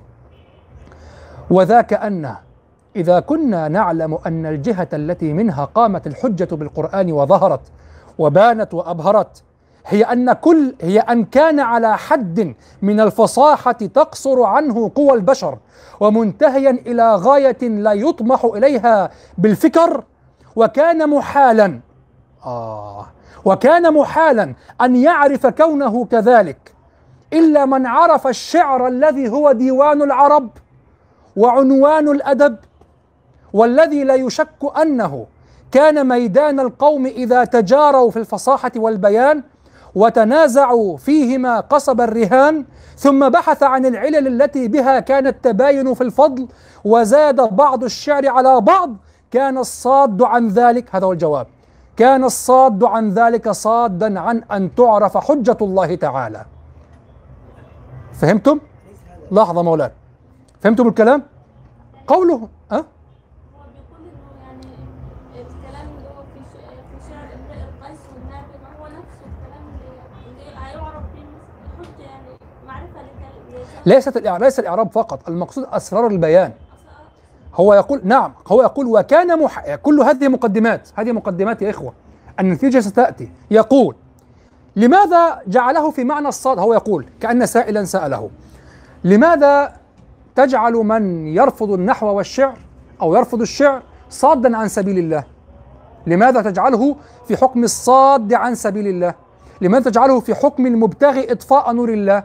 فيقول فيقول وذاك أن إذا كنا هذه مقدمات تأتي إذا كو أولا إذا كنا نعلم أن الجهة التي منها قامت الحجة بالقرآن وظهرت وبانت وبهرت هي أن كان على حد من الفصاحة تقصر عنه قوى البشر ومنتهيا إلى غاية لا يطمح إليها بالفكر وكان محالا المقدمة الثانية. وكان محالا أن يعرف كونه كذلك إلا من عرف الشعر الذي هو ديوان العرب وعنوان الأدب والذي لا يشك أنه كان ميدان القوم إذا تجاروا في الفصاحة والبيان وتنازعوا فيهما قصب الرهان. ثم بحث عن العلل التي بها كان التباين في الفضل وزاد بعض تستطيع أن تجعل هذه مقدمة أيضا. ثم بحث عن العلل التي بها كان التباين في الفضل وزاد بعض الشعر على بعض هذا أيضا في تقويم زاد بعض الشعر على بعض. ثم بحث عن العلل التي كان بها التباين في الفضل وزاد بعض الشعر على بعض كان الصاد عن ذلك صادا عن أن تعرف حجة الله تعالى. هذا هو. وقوله هنا الشعر آه إلا من عرف الشعر الذي هو ديوان العرب وعنوان الأدب لعله استعملها بعدما اشتهرت عن أبي فراس الحمداني. أبي فراس الحمداني الذي أحبه جدا وكناية تبني بكنيته. كنايته أبي فراس. نعم لأني أحبه جدا. له أربعة أبيات يقول فيها الشعر ديوان العرب. الشعر ديوان العرب أيضا وعنوان الأدب. لم أعد فيه مفاخري ومديح آباء النجب. ومقطعات ربما أي لم أعد كذلك ومقطعات ربما حليت منهن الكتب. لا للمديح ولا الهجاء ولا المجون ولا اللعب. هذا هو. الشعر ديوان العرب. كثير من المقولات أو لا أقول المقولات حتى تفهم الأفكار لا المقولات الحكم الجارية والكلمات الجارية أصولها قديمة جدا. يعني مثلا وقديما كان في الناس الحسد. عمر بن أبي ربيعة. وقديما كان في الناس الحسد. عمر بن أبي ربيعة أه؟ أه ما أشبه الليلة بالبارحة طرف من العبد. ما أشبه الليلة بالبارحة طرف من العبد. أسلمني قومي ولم يغضبوا لسوءة حلت بهم فادحة. كل خليل كنت خاللته لا ترك الله له واضحة. كلهم أروغ من ثعلب. ما أشبه الليلة بالبارحة. طرف جاهليه الجملة. واضح؟ وقديما كان في الناس الحسد عمر بن أبي ربيعة رحمه الله. وغفر له. نعم. فكذلك هنا الشعر ديوان العرب وعنوان الأدب أبو فراس الحمداني من قبل عبد القاهر. الشعر ديوان العرب أيضا وعنوان الأدب. لم أعد فيه مفاخري ومديح آباء النجب. لا ل... آه ومقطعات ربما حليت منهن الكتب. الكتب يعني الرسائل للملوك والأمراء. حليت منهن الكتب ومقطعات ربما حليت منهن الكتب لا للمديح ولا الهجاء ولا المجون ولا اللعب. طيب.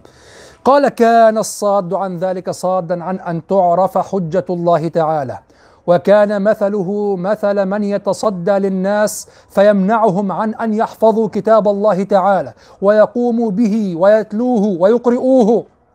هذا الذي يصد عن الشعر كمن يصد عن حفظ خلاص امنعوا مكاتب تحفيظ القرآن. هذا بالضبط الذي مش كلامي أنا ده عبد عبد القاهر. أنا ماليش دعوة. ليس لي شأن يا إخوة. القاهر يتكلم. مش هينفع هو الصحيح. أخونا الحبيب فارسي وهو عربي في اللسان واللغة والولاء. كل شيء يا مولانا. تكون إماما بإذن الله.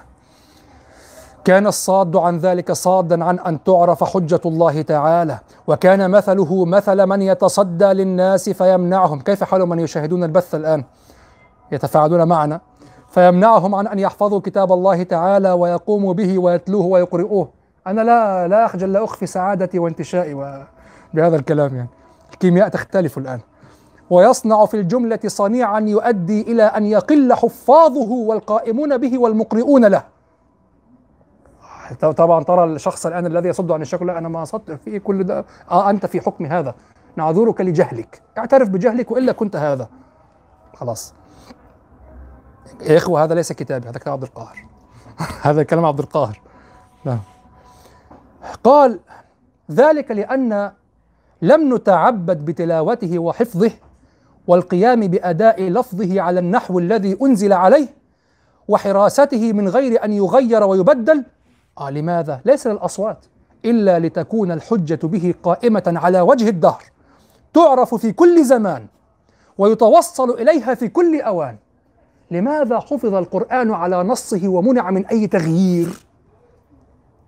هذا الحفظ الذي يحاول التافهون من الملاحدة الآن أن يشككوا فيه، يقول لك نقل بالمعنى وفي تغيير وكذا جهلة جهلة جدا وللأسف هناك من جهلة المسلمين من يردون عليهم بكلام مخرق تافه واضح؟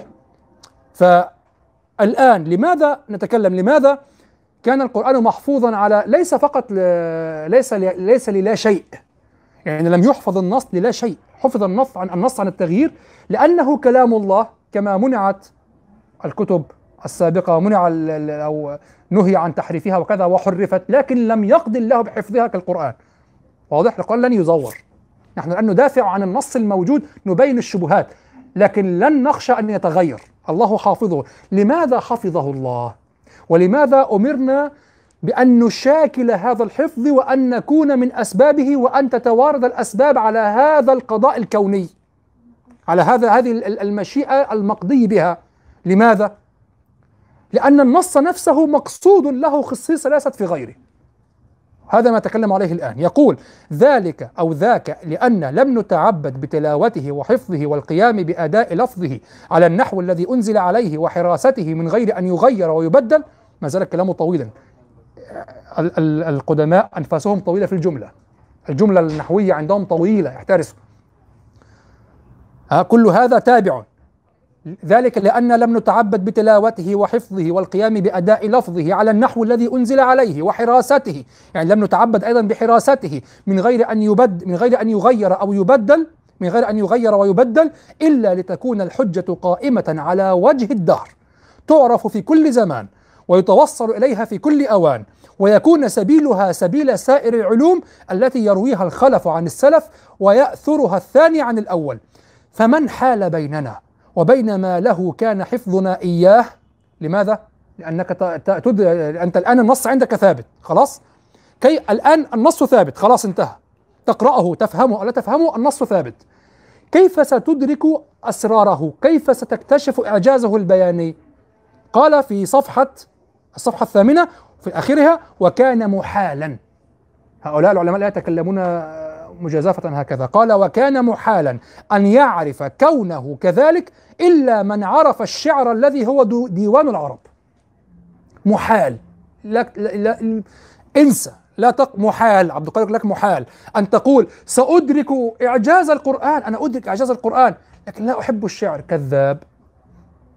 إما أنك تكذب في بغضك الشعر لتصدق في أنك تدرك الإعجاز أو أنك تكذب في إدراكك الإعجاز لتصدق في أنك تكره الشعر. نعم. قال فمن حال بيننا وبين ما له كان حفظنا. يعني حفظنا له هكذا إياه هكذا لهذا السبب. فمن حال بيننا وبين ما له كان حفظنا إياه واجتهادنا في أن نؤديه ونرعاه كان كمن رام أن ينسيناه. يجعلونك تنسى. جاء لك هكذا قال انسى عمل لك سحر لتنسى القرآن. شوف الشيطانة سيقول لك عبد القاهر يشيطن يشيطن من يكره الشعر لا هو شيطان أصلا. شيطان لولا العذر بالجهل. هو معذور بالجهل. وإلا فهو لو, ليس يجهل فهو شيطان. فمن حال بيننا وبين ما له كان حفظنا إياه واجتهادنا في أن نؤديه ونرعاه كان كمن رام أن ينسيناه جملة ويذهبه من قلوبنا دفعة. فسواء سواء. فسواء من منعك الشيء الذي تنتزع منه الشاهد والدليل ومن منعك السبيل إلى انتزاع تلك الدلالة والاطلاع على تلك الشهادة. ولا فرق بين من أعدمك الدواء الذي تستشفي به من دائك وتستبقي به حشاشة نفسك يعني بقية نفسك وبين من أعدمك العلم بأن فيه شفاء وأن لك فيه استبقاء. هو واحد انتهى. صدك عن العلم به. لذلك هو جاهل. وإلا كا ما بماذا يوصف الصاد عن سبيل الله المبتغي إطفاء نور الله؟ هو ده مسلم؟ لا. ولذلك قال كان في معنى يعني هو في معنى الصد عن سبيل الله. لجهله. هذا هو. ولا فرق إلى آخره. يعني نحن سبحان الله نقطع يميننا بشمالنا حينما نكره الشعر بل نقطع أنا أقول نقطع الأعناق بشمالنا نقطع تقطع عنقك بشمالك إذا قلت الشعر وكرهت الشعر وكذا. كبار يكرهون الشعر وبعضهم رجال شريعة. ضعاف في الشريعة. والله العظيم ضعاف في الشريعة وأحلف أحلف بالله. من يكره الشعر ولا يمارسه ولا يمارس اللسان العرب والبيان ضعيف في فهم الشريعة. يا ربما يحفظ الشريعة؟ لا تغرنكم الهالة. ليست كل الهالات من نور الله يا إخوة. بعضها من الخلقة طبيعية بعضها لثياب بعضها لما قدم لك به من ال- ال- الأتباع والهالة التي صنعت لك الأخبار التي سبقتك. زائد أمور هو تدرب عليها في الظهور بالحشمة أمام الناس يعني. لكن عند العلم والسؤال اختراق يخترق. واضح ضعيف. في الأخير هناك مقدمات وهناك نتائج. يكره الش... لا تسمي أحدا. آه. يكره الشعر يكره الشعر ضعيف في الشريعة. انتهى. يكره العربية ضعيف في الشريعة. نعم مولانا. نعم. سمي الآن. طبعا مولانا. وهذه كلمة الشاطبي. هو يقول فضيلة الإمام الشيخ محمد أبو موسى يقول من كان عالما في. في الشعر فهو عالم في الفقه. ال- ال- الشاطبي يقول من كان مبتدئا في العربية مبتدئ في الشريعة في الفقه. متوسطا في العربية من كان متوسط في العربية فهو متوسط في الشريعة. من كان مجتهدا في العربية فهو مجتهد في الشريعة. وكأنه يربط يعني ليس شرطا أن يدخل في الفقه ويمارس لكن كأنه يقول سيكون مهيئا لذلك. وإلا فلا بد من ممارسة الفقه نفسه والأصول شيء آخر يعني. نعم. هذا بديهي صح؟ أه؟ هذا بديهي يعني. بديهي على مراتب دون مراتب. يعني هذا الذي قاله الشاطبي ليس بديهيا لأنه يخالف فيه. والجويني في البرهان تعرفون أصول الجمهور في أصول الفقه أصول المتكلمين تقوم على ثلاث كتب على المستصفى للغزالي والمحصول للرازي والبرهان للجويني. الجويني في البرهان يقول في الشعر نعم كتب اللي من الرابع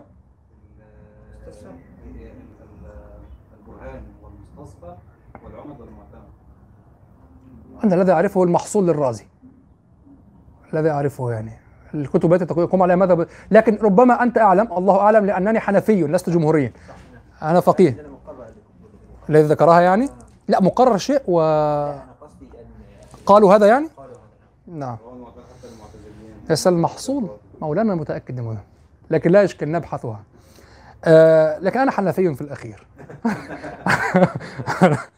فربما أنت تصيب في هذا. آه ربما. الجويني رحمه الله تعالى ورضي عنه في البرهان يقول آه يقول للعرب أسرار خلف الظواهر اللغوية. لا يفهم بها النص لا يفهم النص إلا بها. في ممارسة كلام العرب يقول لابد أن تعيش كما وأن تمارس. أنا لا أذكر النص بالضبط أو ولا أذكر القريب منه أيضا لأن عهدي به بعيد. لكن يقول ما معناه يعني؟ يقول هناك أشياء خلف الظواهر وخلف الإعراب الواضح المباشر. يقول وممارسة كلام العرب هي التي تخول لل- للدارس أن آه لتخول للغائص في كلام العرب أن يفهم الشريعة على وجهها أن يفهم مراد الله. هناك وأظن سمى كلمة سمى أسرار أو كذا وأرجو من أحد من الإخوة ممن يشاهدون الآن أو ممن سيشاهد أن يعلق بتعليق على هذا يعني يكتب تعليقا ويحيل فيه على ال- ال- الم- الموضع في البرهان من البرهان للجويني أنا لا أذكر لكن قرأته من منذ سنين يعني. نعم. يقول فإن قال منهم قائل إنك قد أغفلت فيما رتبته إنك قد أغفلت فيما رتبته فإن لنا طريقا إلى إعجاز القرآن غير ما قلته وهو علمنا بعجز العرب. علم علمتم لماذا قدم بفضل العلم؟ دي صفحة تسعة مولانا. بسأل بح- بحرج ليه؟ ليه بتسأل بحرج؟ في إيه؟ فإن قال منهم قائل. ظل يتصل بي أول أمس آه، شاب من بداية شنقيط. وظل يصر على الإصرار عجيبا. أغلق وأتصل. وأغلق وأتصل. وهو يتصل. فأحببته. فأجبته يعني وتكلمنا في الثامنة عشر أو السابعة عشر يعني. ويحب الشعر ويكتب الشعر وكذا وهترد يعني هترد. أين أنت مولانا بن؟ فإن قال منهم قائل إنك قد أغ... ليس الأصل إن يقول لك تصر يعني أحبك عشان تصر. يا إخوة لا أحد يفهم إنك لما تصر لا أنا بنزعج. لكن أنا كنت أعلم أعلم يعني أنه شاب صغير ومن شنقيط فتوقعت يعني كان في مقدمات يا مولانا. ليس الأصل أن تصر وأرك وتصر. فإن قال منهم قائل إنك قد أغفلت فيما رتبته فإن لنا طريقا إلى إعجاز القرآن غير ما قلته علمتم لماذا قدم بالعلم؟ لأن هذا الكلام الآن يقوله من يكتفون بالوقوع لا بالعلم كيف وقع وما سبب الوقوع وهو وقوع العجز يقول فإن قال منهم قائل إنك قد أغفلت فيما رتبت فإن لنا طريقا إلى إعجاز القرآن غير ما قلت. وهو علمنا بعجز العرب عن أن آه نحن علمنا بعجز العرب. هل مهما وقع يا إخوة مهما وقع الخلاف في إعجاز القرآن بسببه يعني سبب هل هل يشكك أحد في أن العجز قد حصل؟ يعني لو أنا لو لو جاء منكم الآن خرج أخ أو أخت وقال قال أنا أقتنع أن الإعجاز بالصرف. بحثت عشر سنين واقتنعت أن الإعجاز بالصرف. يتفق معنا في أن الإعجاز قد وقع. لا تنظر إليه إلى أنه يقول القرآن يتحدى. لم يتحدى. وقع الإعجاز خلاص. وقع. الجميع يقول هذا. الأطفال يقولون هذا. الواقع التاريخ كله يقول هذا. والكفار ينبغي أن يقولوا هذا. الذين يكفرون بالقرآن ينبغي أن يقولوا هذا. فالعجز عن ال- القرآن وقع. انتهى. فإن قال منهم قائل إنك قد أغفلت فيما رتبت فإن لنا طريقا إلى إعجاز القرآن غير ما قلته. وهو علمنا بعجز العرب عن أن يأتوا بمثله وتركهم أن يعارضوه مع تكرار التحدي عليهم وطول التقريع لهم بالعجز عنه. ولأن الأمر كذلك ما قامت به الحجة على العجم قيامها على العرب. أن أنت تتكلم في اللغة؟ طب وما حكم العجم؟ طيب. ولأن الأمر كذلك ما قامت به الحجة على العجم قيامها على العرب واستوى الناس قاطبة فلم يخرج الجاهل فلم يخرج الجاهل بلسان العرب من أن يكون محجوجا بالقرآن. يعني كيف تحاج ال- الفارسي أو من زمان ليس أنت الآن. كيف تحاج الفارسي قبل الإسلام أو قبل أن تصله الدعوة أو قبل أن يتعلم ال- العربية وكذا؟ كيف تحاج هذا الفارسي؟ حتى بعد أن تعلم يعني الجميع في حكم العجم الآن. فكيف تحاج هذا الفارسي أو هذا الرومي بلغته على إعجاز القرآن الذي هو الإعجاز بالبلاغة والبيان؟ كيف؟ هذا الكلام أو هذا قضية أن أن الناس قد جاءوا بال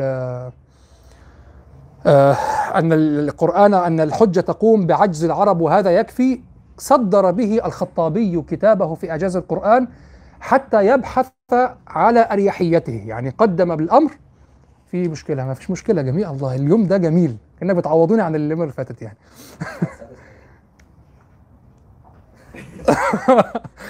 بيقولوا لحد تسعة يعني. عن نفسي ما فيش مشكلة. المهم المهم فالإمام الخطابي من قبل عبد القاهر بزمن حتى يبحث بأريحية وحتى لا يعلق عجز العرب عن القرآن بالوصول إلى الوجه الذي سيصل إليه بالبحث والتفتيش؟ قال أما العجز فواقع وانتهى. خلاص. قال هذا في رسالته. طبعا هذه رسالة أنصح بها ثلاث رسائل في إعجاز القرآن. هي رسالة ال- عبد القاهر واضح الشافية الموجودة معكم في الكتاب هنا. ورسالة ال- الخطابي ورسالة الرماني. أول رسالة هي رسالة الخطابي. لحظة. آه.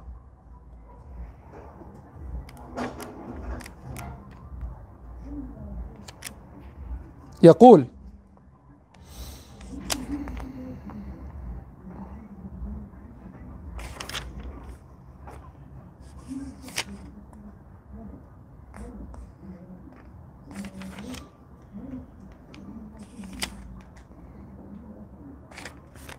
أين الموضع؟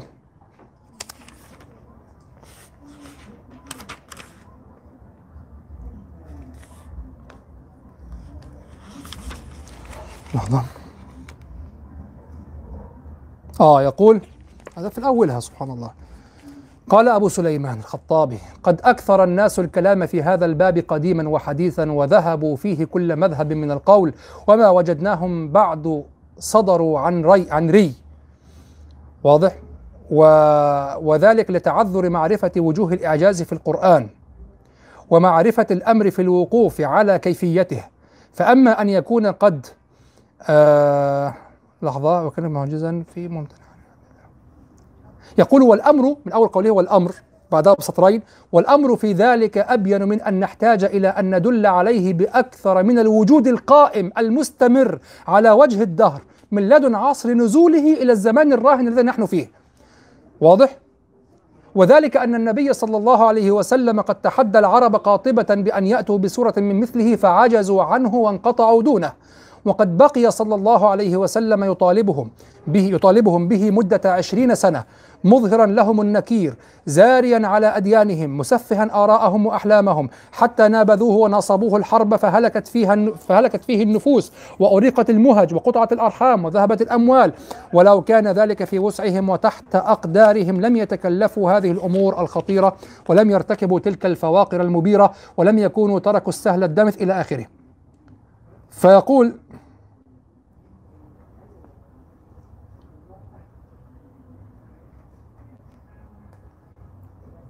آه يقول. بعد أن ذكر هذا يقول قلت وهذا من وجوه ما قيل فيه أبينها دلالة وأيسرها مؤونة وهو مقنع لمن تنازعه نفسه مطالعة كيفية وجه الإعجاز فيه. إعجاز.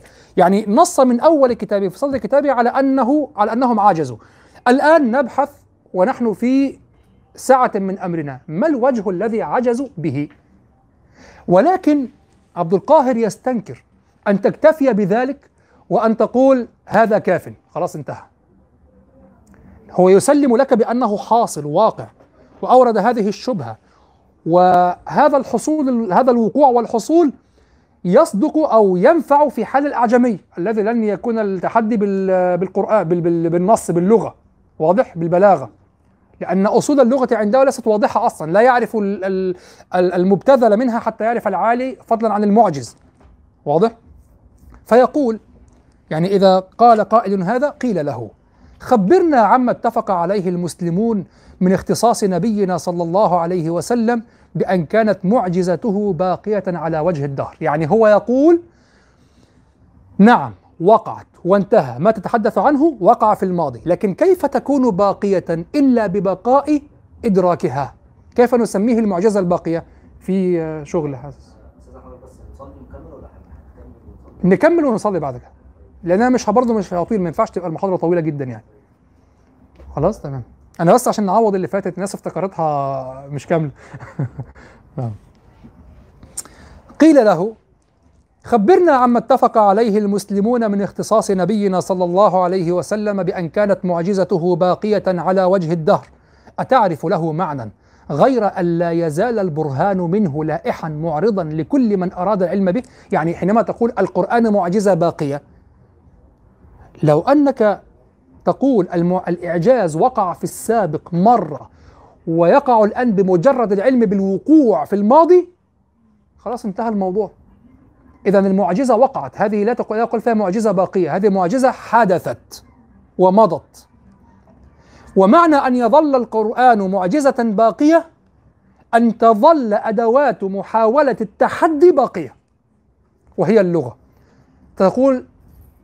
نحن الآن لا أحد فينا يستطيع أن يفعل لأن لا أحد فينا يبلغ أصلا أصحاب المعلقات حتى تقول يبلغ أصحاب. حتى تقول يبلغ القرآن نقول له هذا لأمور طارئة وإن دامت وإن طالت.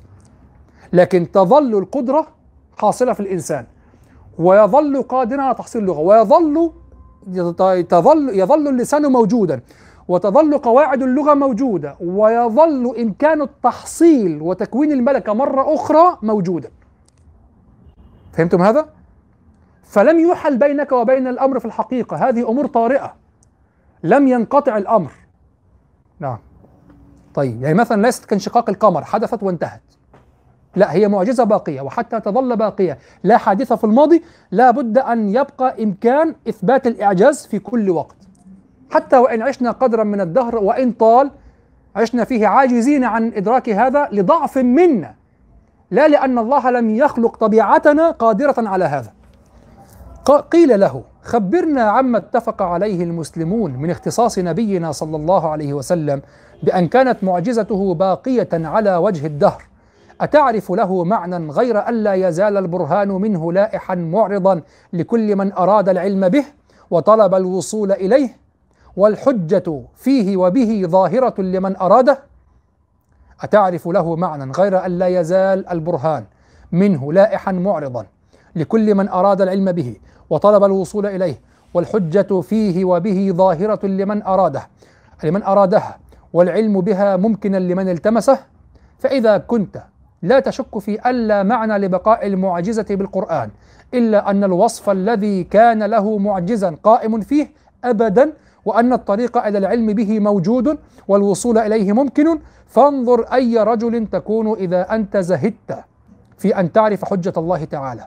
وآثرت فيه الجهل على العلم وعدم الاستبانة على وجودها وكان التقليد فيها أحب إليك والتعويل على علم غيرك آثر لديك. ونحي الهوى عنك وراجع عقلك. آه دائما مراجعة العقل لابد أن تكون في خلوة.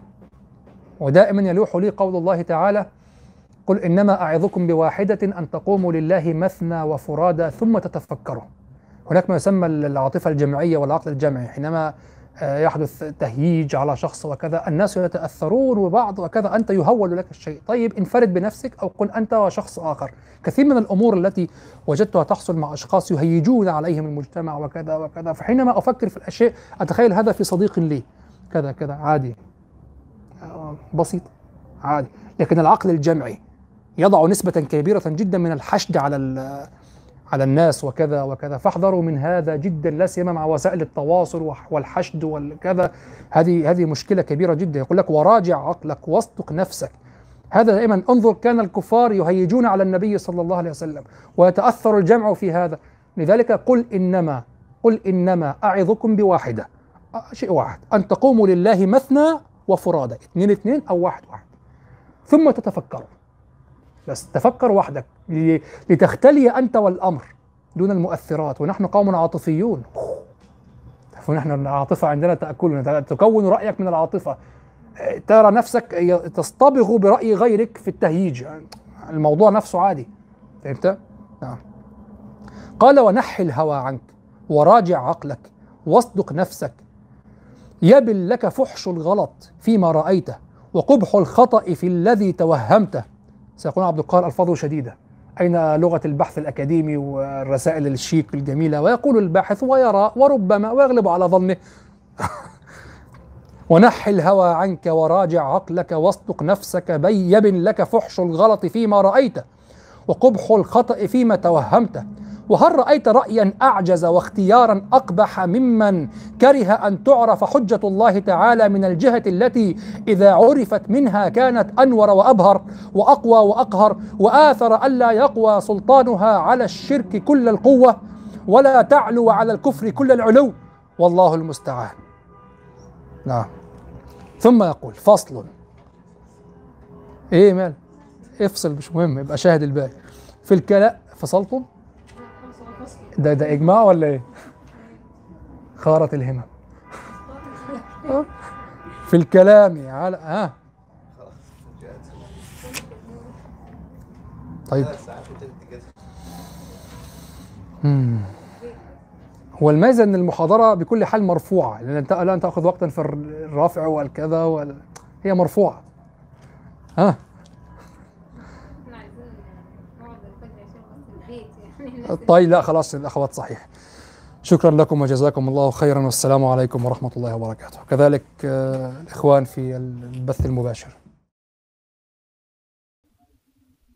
هو الذي بعث في الأميين رسولا منهم يتلو عليهم آياته ويزكيهم ويعلمهم الكتاب والحكمة وإن كانوا من قبل لفي ضلال